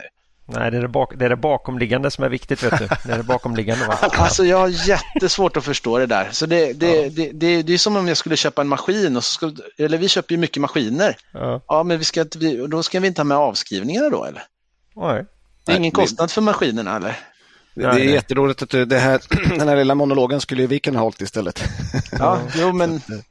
Vi, vi delar Vi får hoppas att ni får med er aktie, övriga aktiebolag att inte gå mer högre upp i, balans, i resultaträkning utan snarare längre ner. Då. Det, det vore ju väldigt trevligt tycker vi. Jag tror att vi har hållit på så här länge. Jag tror inte vi kan förändra världen. Va? Men, men, ja, men man, vet sättet... aldrig. man vet aldrig. Det, men, ja. vi, vi, försöker lite grann vi också. Ja, att... ja jo. Ja, men jag vet det och det, det tror jag är bra för det utbildar folk och det går ju alltid att hitta de där lägre ner om man tittar lite längre bak i årsredovisningar och liknande och, och kvartalsrapporter. Så mm. Det är väl, eh, och det är samma sak när vi gör förvärv. Det är ofta ganska mycket ebitda och justerat och så eh, i, i, som bolagen vill visa för oss. Va? Så det, det är någonstans så, så, handlar det om att leta, leta så långt ner som möjligt och se vad, vad, vad, vad tjänar de egentligen. Ni har ju ett mål på EBT 8 procent, Är det en rimlig målsättning för ett bolag som ni? Eller? Ja, alltså vi, om man tittar historiskt bakut så, jag vet inte, tioårshistoriken kan ni säkert bättre än jag, men, men det är ju det är inte så ofta som vi har varit över 8 procent. Så det, är väl, det har väl varit en stretchad målsättning. Sen så som man tittar på lite så andra kontraktstillverkare på börsen så verkar det som att det är enkelt att ligga över, över 8. Eh, min bild är inte riktigt att det kommer vara så att det är hållbart att ligga så långt över. Sen så, så, så tror jag så här att har du en eh, ny modern maskinpark, du har eh, hög produktivitet på alla dina individer och, och du växer inte så mycket så, så ska, vi, ska man absolut kunna ligga på 10. Så det, det finns en, när, när, när man växer kraftigt då är det svårt att, att, att ha optimala processer överallt. Då beror på lite hur svårt man gör det. Man kan ta ett exempel, så har du en formspruta, den är 50% belagd, du dubblar beläggningen i samma formspruta, det är klart att det är jätteenkelt att växa. Men, men ska du ha in nya verktyg och nya maskiner och, och, och nya operatörer, då, då, blir det, då blir det genast lite svårare. Då. Om du får välja en parameter för att höja marginalen, vad tror du då? Vad är, vad är det viktigaste? Ja du. Det är, det som, var... det är som, de flesta man pratar med säger att det är, det är att vara lite bättre på allt. Mm. Det är liksom den man nästan alltid får. Man ska skruva lite på det här och det här och det här och så får man upp men Eller har, har, har, du någonting som är liksom, det här är nog det viktigaste för att vi ska bli mer lönsamma? Nej, men jag, jag, jag tror så här att vår, vår, just nu, om jag får säga just nu, så är det produktivitet hos våra medarbetare. Det är liksom huvudfokus för oss. Ja. Eh, det, det, är liksom inte, man kan inte skylla på externa faktorer utan det, det är liksom se till att vi, om vi får upp produktiviteten så kan vi förbättra våra marginaler avsevärt. Ska jag säga. Ja. Ja, det var, det var ett väldigt rakt och tydligt svar. Mm. Eh, om vi tittar framåt lite längre då, vart eh, ser du att AQ kan vara om 5-10 år? Ja, men vi, vi tycker om det här långsiktiga perspektivet och, och, vi har väl sagt att vi ska växa vår omsättning och vår vinst med 15 procent per år. Så att någonstans om man pratar 10 år då, då ska vi omsätta 40 miljarder och så ska vi tjäna då 8 procent på det. i ebit. Mm. Det är väl ehm, en, eh, det är ett högt mål och, och, och, svårt att nå. Samtidigt så 2014 satte vi samma målsättning att vi skulle nå 10 miljarder i omsättning 2024. Eh, nu har vi ett och ett halvt år kvar och det ser ut som att vi, ja, vi kanske kan nå det och vi kämpar på som vi har gjort. Mm. Så jag tror att det är hö höga mål, men, men, men, och sen om man precis går under det så är inte det hela världen, men, men någonstans är det ändå det som är vår omsättning, eller vår, ehm, vår målsättning då, långsiktigt. Det där kopplar lite till nästa fråga. Om, om du får frågan varför ska någon investera i AQ, vad, vad brukar du ge för svar då? Ja, men det, det, det beror lite på vem som frågar. Om det är någon som frågar som jag, vet, som, som, som, som jag vet är duktig och handlar mycket aktier och läser på och sådär, då skulle jag säga samma sak. Jag skulle säga så här, vi är exponerade mot marknadssegment som är, växer eh, och eh, vi har historiskt eh, gjort vinst varje kvartal och växt vår vinst per aktie med 17 procent de senaste tio åren. Ungefär så skulle jag säga till någon som kan mycket om aktier. De som kan lite mindre om aktier skulle jag säga så här, börja med att lyssna på avsnitt vad är det, 208 av Kvalitetsaktiepodden. Eh, så, så, ja, 108. Vi, ja, 108. vi är inte så snabba att växa ja. som ni. Nej, vi är bara på 108. Ja, men precis. Avsnitt 108 av Kvalitetsaktiepodden så kan du lära dig en, en bra investeringsfilosofi. Eh, och, och, och, sen så, så, så, så läs vår liksom, årsredovisning, vår kvartalsrapport och bilda en egen uppfattning. Det tror jag är, liksom, det, det, är det schysstaste att göra mot, mot folk som inte är så vana vid börsen. Då. För att man, jag tror att det, om man kan lära någon någonting om börsen så, så är det bland det bästa man kan göra tror jag. Mm. mm. Så, sådär, eh, istället för att, men, men, men, eh, men med vana investerare så, så är det tydligt. då. Mm. Vi börjar närma oss eh, slutet här då. Vi brukar alltid ställa den här frågan. Vad ser ni själva som liksom största riskerna för, för AQ? Jag tror att det är om vi tappar siktet på vårt, vårt sätt att göra affärer, om vi blir liksom stressade att nu måste vi göra förvärv här, för nu har vi inte gjort förvärv här på, ja, alltså på en tid. Eller vi, vi, vi struntar i våra värderingar och, och, och tar kortsiktig vinst framför, framför eh, det långsiktiga. Eh, eller vi byter kund, eh, ja, kund tapp, tappar någonting. Jag tror att följer vi vår modell Eh, Eh, så, så, så ser jag inte jättestora risker. Sen finns det ju alltid en massa risker och sådär, men då, då, då, jag tror att vi, vi har varit med om så pass många kriser historiskt och, och vi har varit snabba och, och eh, tack vare vår decentraliserade modell då, så vi har varit snabba att agera då. Så att jag, jag känner mig inte särskilt orolig över någon specifik risk i det långa perspektivet. Sen kan alltid någonting hända kortsiktigt som, som, som stör. Vilken är bästa dagen på jobbet för dig? Är det en dag när du kommer in? Nej, det finns inget att göra och bara titta på lite fin statistik från, från era bolag. Eller är det den här dagen när nu jävlar är det kris här? Nu fick vi inte de här grejerna här. Jag tror bästa dagen på jobbet för mig, det, det vi har en vd-konferens varje år. Mm. Vi hade den för några veckor sedan i Enköping eh, och, mm. och då, då, då, kommer alla våra vd och, och, och, våra ledningspersoner och så samlas vi någonstans och Förra året var vi i Bulgarien, i år så var vi i Enköping på ett ställe som heter Fagerud, kan verkligen rekommendera förut. Eh, vad heter det? Eh, och, och det, det, är så, det är så fantastiska människor, de här entreprenörerna som driver sina bolag, eh, jobb, jobbar extremt dedikerat. Många har varit hos oss i mer än 20 år, eh, fortsätter att växa både sin topline och sin vinst per aktie. Eh, och samtidigt är det så avslappnade, vanliga människor som går att prata med och, och, och trevliga och roliga. Och vi, vi hade en sån här avslutning där vi hade skogsdisco med lite musik i skogen och, och, och några plattor öl och, och, och sådär. Eh, det, det, och det, var, det var jättefint, det var solnedgång över Mälaren och sådär. Så, så, så, så, väldigt stora mygg dock. Eh, men men, men eh, vad heter det? Någonstans, det är någonstans den bästa dagen jag kan ha på jobbet. För att träffa alla mina fantastiska medarbetare face to face och krama om dem och, och, och heja på dem och, och, sådär. Det, det är otroligt roligt. Eh, annars är det när jag träffar kunder som jag gör alldeles för sällan då, tyvärr. Ja. Ja. Nej, ni, är ju, ni börjar bli stora. Jag inser det. Du är, du är en stor teamleader idag egentligen.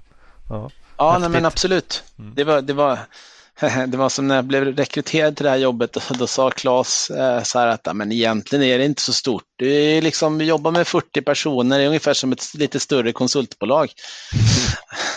Alltså någonstans är det ju de andra som ska sköta sina verksamheter. Sen får man ibland hjälpa dem, va? men, men det, det, är otroligt viktigt att de här vdarna känner att de är independent och kan köra sin, sin låda. Mm. Ja, jag hade ju en avslutande fråga. Den har du nästan, du verkar redan ha upplevt eh, det du ser mest fram emot under 2023. Så nu, nu är det bara en Golgatavandring fram till, till, nyårs, till nyårsnatten här då. Eller har du något annat du ser fram emot under året här? Oh, du, det var bra fråga här. Nej men eh, Eh, jag, jag, tror att ehm,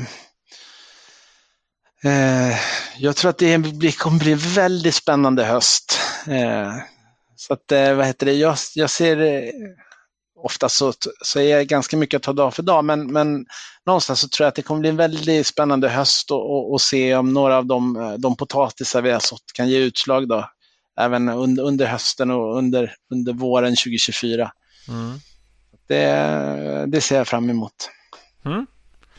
Ja, eh, om inte Marcus och Ola har något mer ni känner vi ska följa upp på? Är det de frågor vi har missat här James? Du känner att det här, det här borde vi verkligen ha tagit nu när vi har lyssnarna här. De oh. ligger i hängmattan här nu. Det vi är i mitten av juli här. Mottagliga. Nej. Nej, vi har gått igenom det mesta va? Ja, jag tror det. Det var ett Ni är rejält... noggranna. Det var ett rejält frågebatteri också. Ja, mm. ja.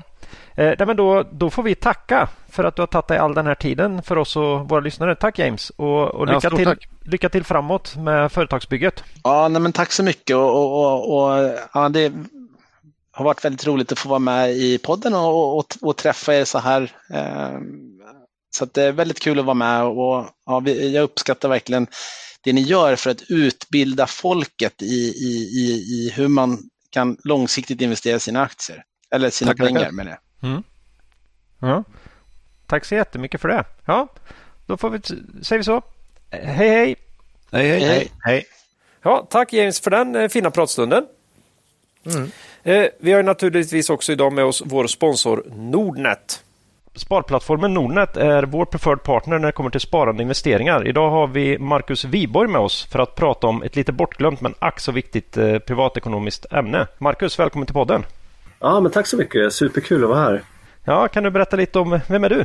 Jo, eh, jag är då chef för vår avdelning Corporate Sales eh, och vi ansvarar för Nordnets eh, företagserbjudande som omfattar allt ifrån tjänstepensionsupplägg och pensionslösningar för nyckelpersoner och en rad andra tjänster och produkter inom just sparande investeringar för företag. Och I uppdraget ingår också att hjälpa privatpersoner att flytta sina pensioner till Nordnet och inom det här området så ser vi en, en kraftigt ökad efterfrågan.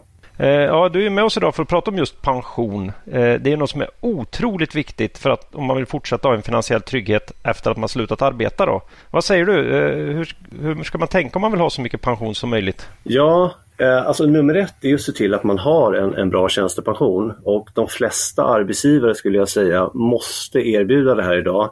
Dels för att kunna behålla sin personal men också att rekrytera eh, nytt. Så när du väl har sett till att du har en tjänstepension så är det två saker som är extra viktiga. Dels vad du placerar i och vilka avgifter du betalar. Ja, många tycker tyvärr pension är tråkigt och skjuter därför detta på framtiden.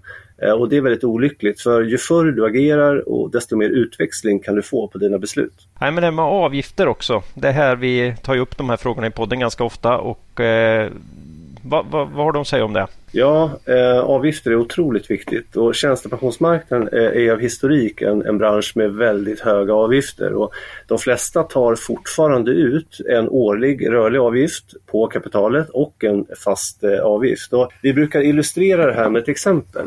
Tänk dig att du har en 40-årig person som har ett upparbetat kapital på 525 000 och som då betalar 0,65 i en sån här eh, eh årlig rörlig avgift och en fast avgift på 240 kronor. Eh, om den här personen då har en avkastning på 6% under hela spartiden och under utbetalningstiden så kommer han eller hon ha betalat över en miljon i avgifter. Och ja, En miljon det, det är mycket pengar och det kan man nog ha roligare för än att betala i avgift. Ja, det blir eh, stora pengar. Det här är ju en slags ränta på ränta fast som går emot dig lite grann kan man säga. Då. Men eh, hur ser det då ut med avgifter hos er på Nordnet undrar man? Jo, eh, vi på Nordnet vi tar varken ut en rörlig avgift eller en fast avgift och hos oss betalar du bara vad du investerar i. Så mm. köper du fonder eh, så betalar du en förvaltningsavgift och handlar du aktier så betalar du courtage. Och Eh, flyttar du till oss så, så får du tillgång till hela vårt univers, alltifrån gratisfonder till aktivt förvaltade fonder och så förstås möjligheten att, att handla aktier. Ja, alltså det här med att handla aktier inom eh, pension, det är ju det är anledningen att jag själv har mitt, eh, mitt pensionsspar hos er. Eh, berätta hur, hur bra det här är, så behöver de inte bara höra från mig. Ja, nej, men det, det, stämmer. Den som flyttar pensionen till oss eh, får ju tillgång till hela vårt utbud av aktier och andra finansiella instrument. Och en sak som jag speciellt vill lyfta, det är att hos oss så kan du handla aktier även under pensionens utbetalning. Mm. Och här är vi eh, rätt unika och jag, jag, jag, skulle vilja påstå att för den som är aktiv i sin handel så har vi ett av marknadens absolut bästa erbjudanden. Ja, det är ju intressant. Vi, har ju, vi som jobbar i den här podden har ju sagt att vi ska ju aldrig, aldrig gå i pension, men någon gång kanske man vill börja lätta lite på kapitalet. Då är det kul att få fortsätta att handla. Då. Mm. Men eh, det här låter ju jättebra. Om man nu som lyssnar här blir lite nyfiken och vill veta mer, eh, vad gör man då?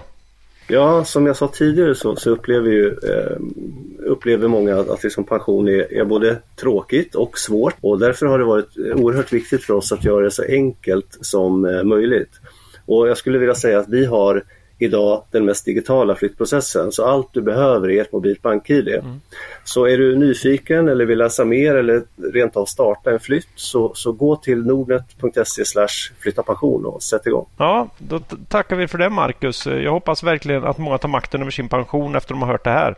Eh, och det gör man alltså då på nordnet.se flytta pension. Och som alltid vill vi påminna om att börsen ger och tar. Även om sparandet i aktier och fonder gett historiskt god avkastning över tid finns inga garantier för framtida avkastning. Det finns risk att du inte får tillbaka pengar, de pengar du investerat. Tack Marcus och tack Nordnet.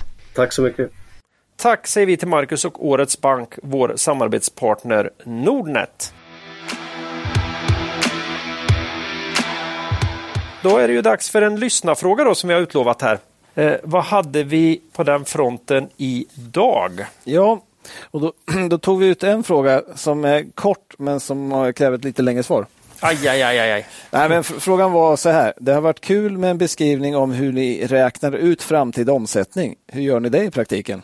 Mm. Mm. Hur, hur, svårt kan det vara? Räknar ut, det låter så oerhört eh, precis. Ja, ja mm. och, och, det är det första man får säga att tyvärr så, så kan man inte räkna ut det. ah. Det är så jobbigt. Synd. Så det var svaret på frågan. Ja. Nej, men det, det, blir någon sorts uppskattning såklart om vad omsättningen kan tänkas landa på ut efter ett antal olika parametrar. Mm. Eh, vi har ju varit inne och touchat på det lite av och till. Så men, men, men, om man lite övergripande kan man säga vi, vi försöker följa bolag som har en längre och stabil historisk utveckling. Eh, och det ska göra det lite lättare att gissa utvecklingen framåt. Då.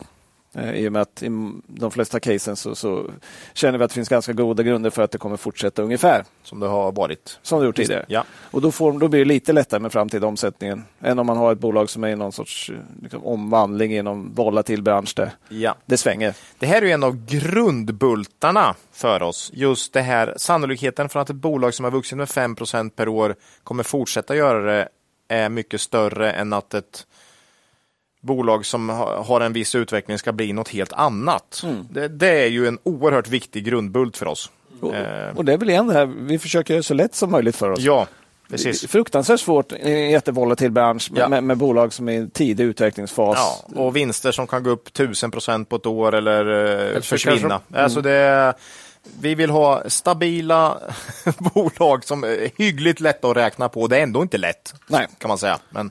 Vi kan ju också acceptera ett eh, förlustbolag som kan slå om till vinst. När som helst. När som helst. Nej. Nej, det är det vi inte kan. Nej, det är det vi inte kan. Det är det vi inte kan. Nej. Okay. Det, ironi är svårt, Claes. men vi, vem var det som sa det? Var det... Nej, men det är ju den vanliga. Det var ju som ja, med alla men, de här IT... Ja, 2021, men det var, ja. för mig det var ett specifikt bolag. Ja, Spotify har ju sagt det och jag tror att, de är, att det är så på riktigt också. Så att... okay. Jag vet man sa om Amazon i 15 år, ja, att de kan slå om till när som helst. När som helst. Nej, ja. Netflix Nej, men, kanske. Mm. Nej, men så, så, hela, hela idén är att vi försöker göra lite så lätt för oss som möjligt med, med de bolag vi väljer. Ja. ja. Så att säga. Men, men sen får man titta på historisk utveckling, titta på hur det har växt, eh, försöka titta på hur mycket som varit organiskt kanske, hur mycket man har köpt till som förvärv. Mm. Dela upp i, i nominell tillväxt och en priskomponent kan man göra nu. Försöka lite grann. Ja. Det har inte varit så viktigt fram till för ett par år sedan. Nej.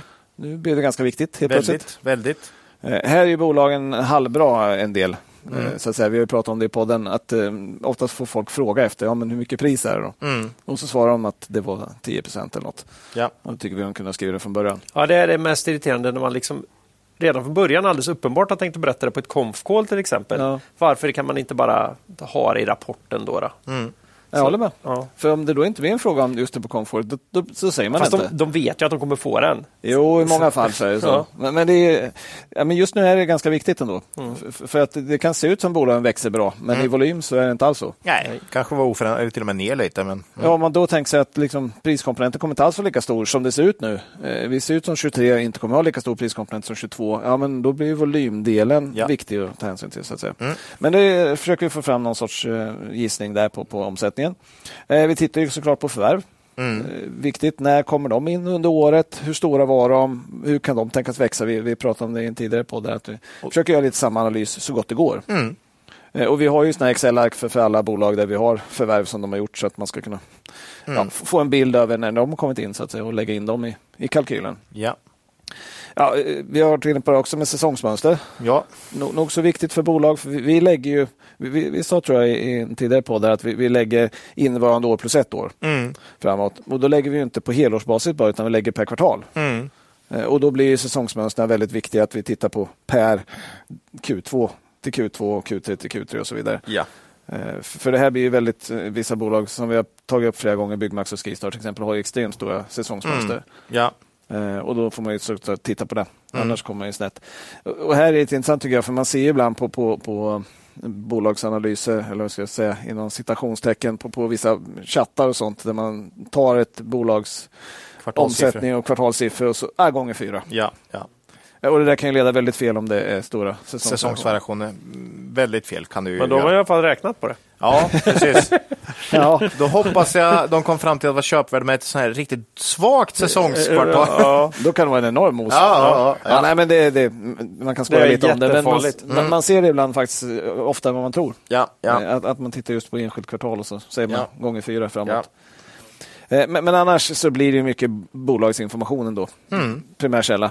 Ja. Eh, finansiella rapporter, conf calls, intervjuer. Eh, liksom försöka fånga upp trender i verksamheten. ja. Eh, liksom, ja, hur ser marknaden ut? Produkter, nya saker. Orderingång, orderstock.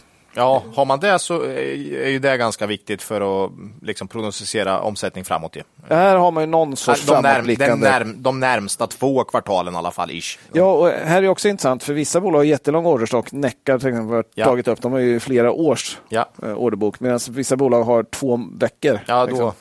Precis. Så, där måste man ju titta bolag för bolag. Ja. Men det är i alla fall någon sorts hjälp i att. Eh, gissa framåt så att säga. Mm. Ehm, Fan, det här låter inte lätt. Det är många... Det är, må hur, hur räknar vi ut det? det är mycket grejer som... eh, Ja. Men i grund och botten har vi ju den här historiska tillväxten. Den kan man väl se som en grund Japp. framåt och sen så kommer förvärv in, marknad Ja. som man liksom justerar för. En del. Konjunktur, är en väldigt stor ja, grej numera. visst är det så. Eh, Ja. Såklart, i, i vissa branscher eh, särskilt. Då. Ja. Men, men vad man vet om bolagsmarknad i stort konjunkturläge, konkurrenter, branschstatistik kan vi. Ja. titta lite grann på. ja. F- Få lite vägledning. Valuta faktiskt, på något kvartal kan vi ju lägga med det om, om det visar sig liksom när kvartalet har gått lite länge, nästan slut och så ser man oj, eh, viktigaste valutan har tappat rejält, ja, då kanske man får skruva ner omsättningen i SEK. Då. Ja, definitivt. Ja. Det är väldigt viktigt för, för många Ja. bolag. Ja. Eh, och sen kommer in på ännu mer som bolaget säger, prognoser. Mm. Om man lämnar sådana. Ja. Eh, och här är ju liksom lite grann hur pass bra har prognoserna varit tidigare. Mm. Desto bättre de har stämt tidigare, desto mer vikt lägger vi dem. ja. Såklart. Och vi försöker ju ofta investera i bolag med liksom, eh, där vi har förtroende och då kanske man inte har missat så ofta. Och Nej. har man missat en prognos så består, eh, består, är det ofta en, en utomstående händelse som man inte omöjligt kunde påverka på något sätt. Liksom. Ja, det får man ju titta på. Ja. Varför missar man Ja, och så vidare.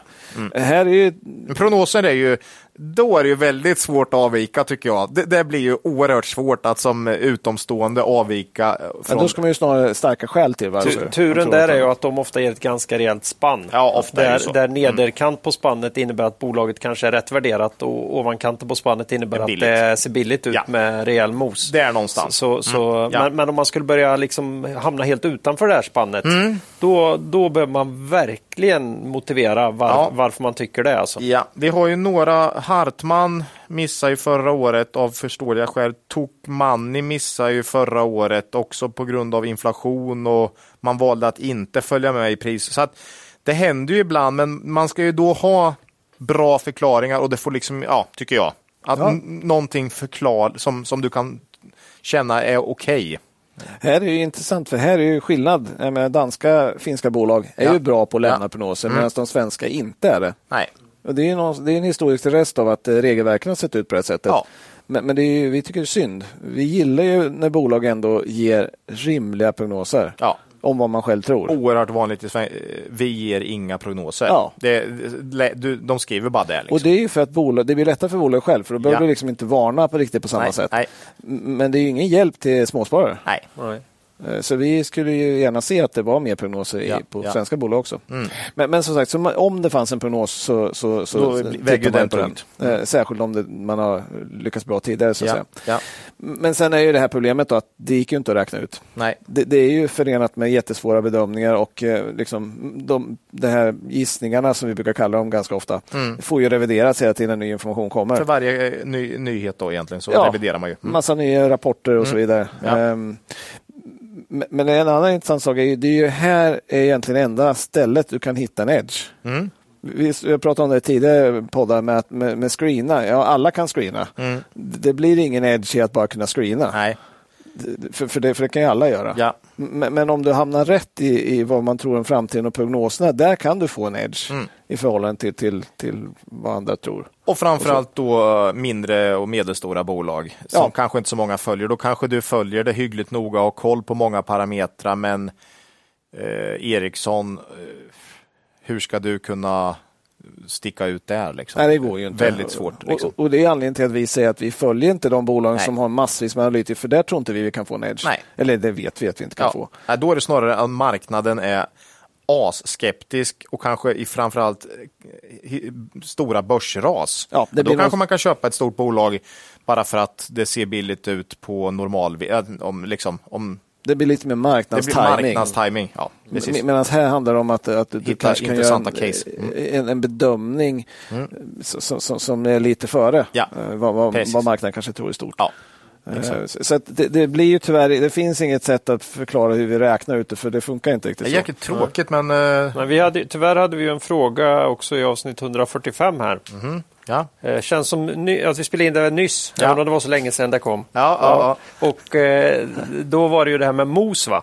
Mm. Då var jag så eh, jobbig så då sa jag att eh, den här lilla grejen med att du hade en idé om en vinst per aktie för VBG var det då. Mm.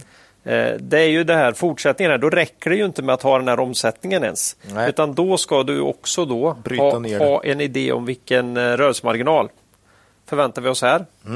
Finansnetto. Finansnetto. Och sen då så trillar det ner då. Och lite skatt på det, men Lite den är skatt oftast på det, men den kan vara ganska lätt. Ja, Ja, och då får du en vinst per aktie. per aktie. Mm. Och eh, tyvärr är det, särskilt då för den här rörelsemarginalen, så är det ungefär samma övning igen. Mm. Fast då är det rörelsemarginalens utveckling du är på jakt efter. Man har någon form av grundlönsamhet kanske i de här stabila bolagen och sen så varierar det lite över tid och man får liksom lägga lite, är de lite över eller under eller har de en positiv trend på rörelsemarginalen så då får man fundera lite. Eh, Och har man köpt bolag som är mer lönsamma eller mindre lönsamma Ja, och massa ja. sådana här. Det, det blir som du sa, det blir samma övning igen fast Ja. på marginalsidan. Ja. Och- sen, sen ofta går de ju lite Och vi ska säga, vi höftar en, alltså det är ingen exakt vetenskap det här, utan det är liksom uppskattningar, rimlig, vad vi tycker är en rimlig uppskattning. Och det är därför vi kallar dem gissningar. Gissningar. Ofta är det så att vi säger 5, 10, 15, 20 också.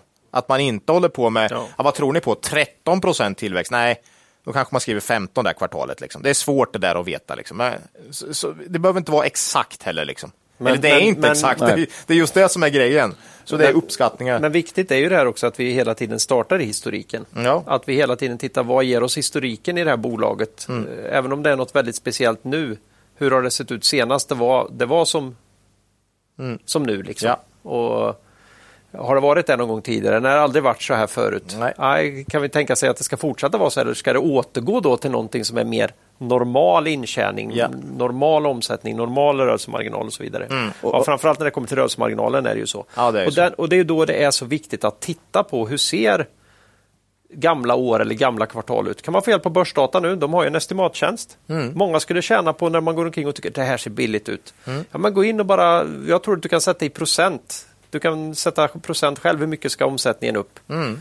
Och sen får du reda på vad, vad blir då vinst per aktie när allt annat lika. Ja. Det, är- det är inte en dum, Nej. det är inte en dum eh, övning att göra. Nej, För att få en start. Vart borde det kunna hamna om ett Mm. år här? precis. Jag, jag tror att de bolag vi väljer ut och som vi jobbar gör att vi kommer hamna lite försiktigt många gånger, för det är lite så vi är. Men, men vi, den kommer vara ganska realistisk. Jag tror många gånger när bolag, man tittar på bolag som är mer förhoppningskaraktär så blir det verkligen det blir en förhoppningsprognos, gissning, Ja, På, på ett annat sätt. Och då är den mycket mer känslig.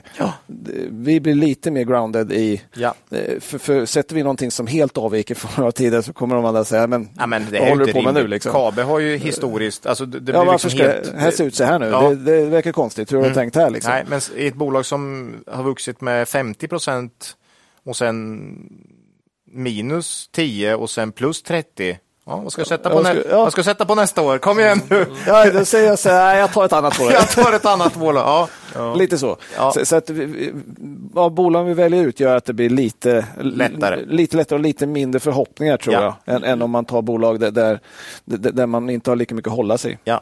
Nej, men jag kan tycka, jag vet inte vad Nvidia handlas till här nu. Det är så här AIHs-bolag, men kan det vara Mm. Ja, P, ingen aning. P200 eller något sånt här? Ja, något sånt. Ja, det är, det är spännande att gå in och titta lite grann på vad det innebär att de ska tjäna i, i framtiden. Ja. Och då kan man tänka så här att om man kan ta det så långt som man tror att överhuvudtaget den här branschen kan bli så stor så att de här pengarna kommer finnas där. Ja. Varför kommer det inte kunna finnas en konkurrent då? Som, som åtminstone vill ha en liten del av den där kakan. Ja, ja. Så, så att, eh, ja. Men vi slipper ju hålla på med det. Det är så himla skönt. För de där grejerna skulle aldrig funka i våra modeller så de, de faller bort. Ja. Ja. Och då kommer vi missa en del fantastiska case, Ja. men vi kommer ta ner risken eh, en hel del, vilket det vi jobbar med. Så, så det är väl liksom svaret på den korta frågan med det långa svaret var att det går inte att räkna ut utan man får göra någon sorts gissning framåt där man försöker väga in massa olika parametrar och sen tycker vi att man kan göra, försöka göra så lätt för sig som möjligt genom att välja bolag där man har lite större sannolikhet för att gissa rätt. Ja.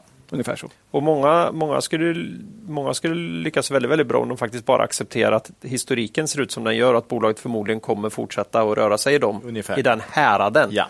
Då, skulle Då, man, då landar man ju hyggligt rätt. landar man hyggligt Det är rätt. i alla fall mycket mer sannolikt, tycker Ja. vi, än att man blir något helt annat. Ja.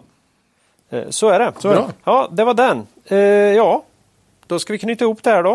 Eh, vi tar lite extra ledigt nu efter det här avsnittet. Mm. Så nästa avsnitt som är 148 kommer ut först torsdag den 17 augusti. Oj. Men då blir det ett, äntligen ett helt vanligt rapportavsnitt igen. Va? Oh, massa rykande Färska. färska och lite Gamla. en månad gamla, då rapporter. kommer det ja, vara. det kommer Ja. det definitivt vara. För den, här, Det kommer att vara en hel del Den är lite gamla. jobbig den Q2 för den är uppdelad Ja. så vissa, före efter semestern. ja, Vissa vissa, vissa slavdrivare tvingar direkt ja. Ja, tvingar på, sig på personalen, på att säga. Tvingar, ur, tvingar ur personalen. De tvingar på ett schema på ja, personalen. ja. Och vissa- men, men alltså andra är lite mer laid back. Ligger i hängmattan och Ja. kommer in 30 augusti. Ja, och, och har panik då istället. Då. Mm. Ja. Eh, nej, men det blir det. Och eh, ja, ni vet hur ni kan kontakta oss. Ska, vi, ska vi hoppa det Mm. Ja. den här gången? Det tycker jag. Det kan de. Det kan de. Eh, eget ägande då? Hur är det? Vi Ja, hade en lång intervju med eh, AQ. Kanske någon har i pensionsspar. Ja, jag har ju pensionssparet. Ja, Eh, in, in, in the pension fund va? Jag tror inte jag har något i dagsläget. Ja, och eh, pratade vi eh, händelsevis om något annat bolag under AK-intervjun, då har vi nog nämnt att vi äger det, men jag, jag tror om vi gör det, men det tror jag inte. Eh, nu är det ju så här, vi stötte ju också helt på eget bevåg Läkare utan gränser. Organisationen startade 1971 av läkare och journalister som ansåg att det behövdes en oberoende hjälporganisation som talade ut om övergrepp och missförhållanden och satte människor före politik. Idag arbetar Läkare utan gränser i över 70 länder runt om i världen med allt från medicinsk katastrofhjälp till att stärka barnhälsan i utvecklingsländer. Läs mer på läkareutangränser.se. Där kan du också se vad du kan göra för att stötta denna viktiga verksamhet. Ja, med detta vill vi tacka alla lyssnare för den här gången och ber er komma ihåg att Först med tid vattnet drar sig tillbaka så du får se vem som badat naken. Lose money for the firm and I will be understanding. Lose a shred of reputation for the firm and I will be ruthless. I welcome your questions.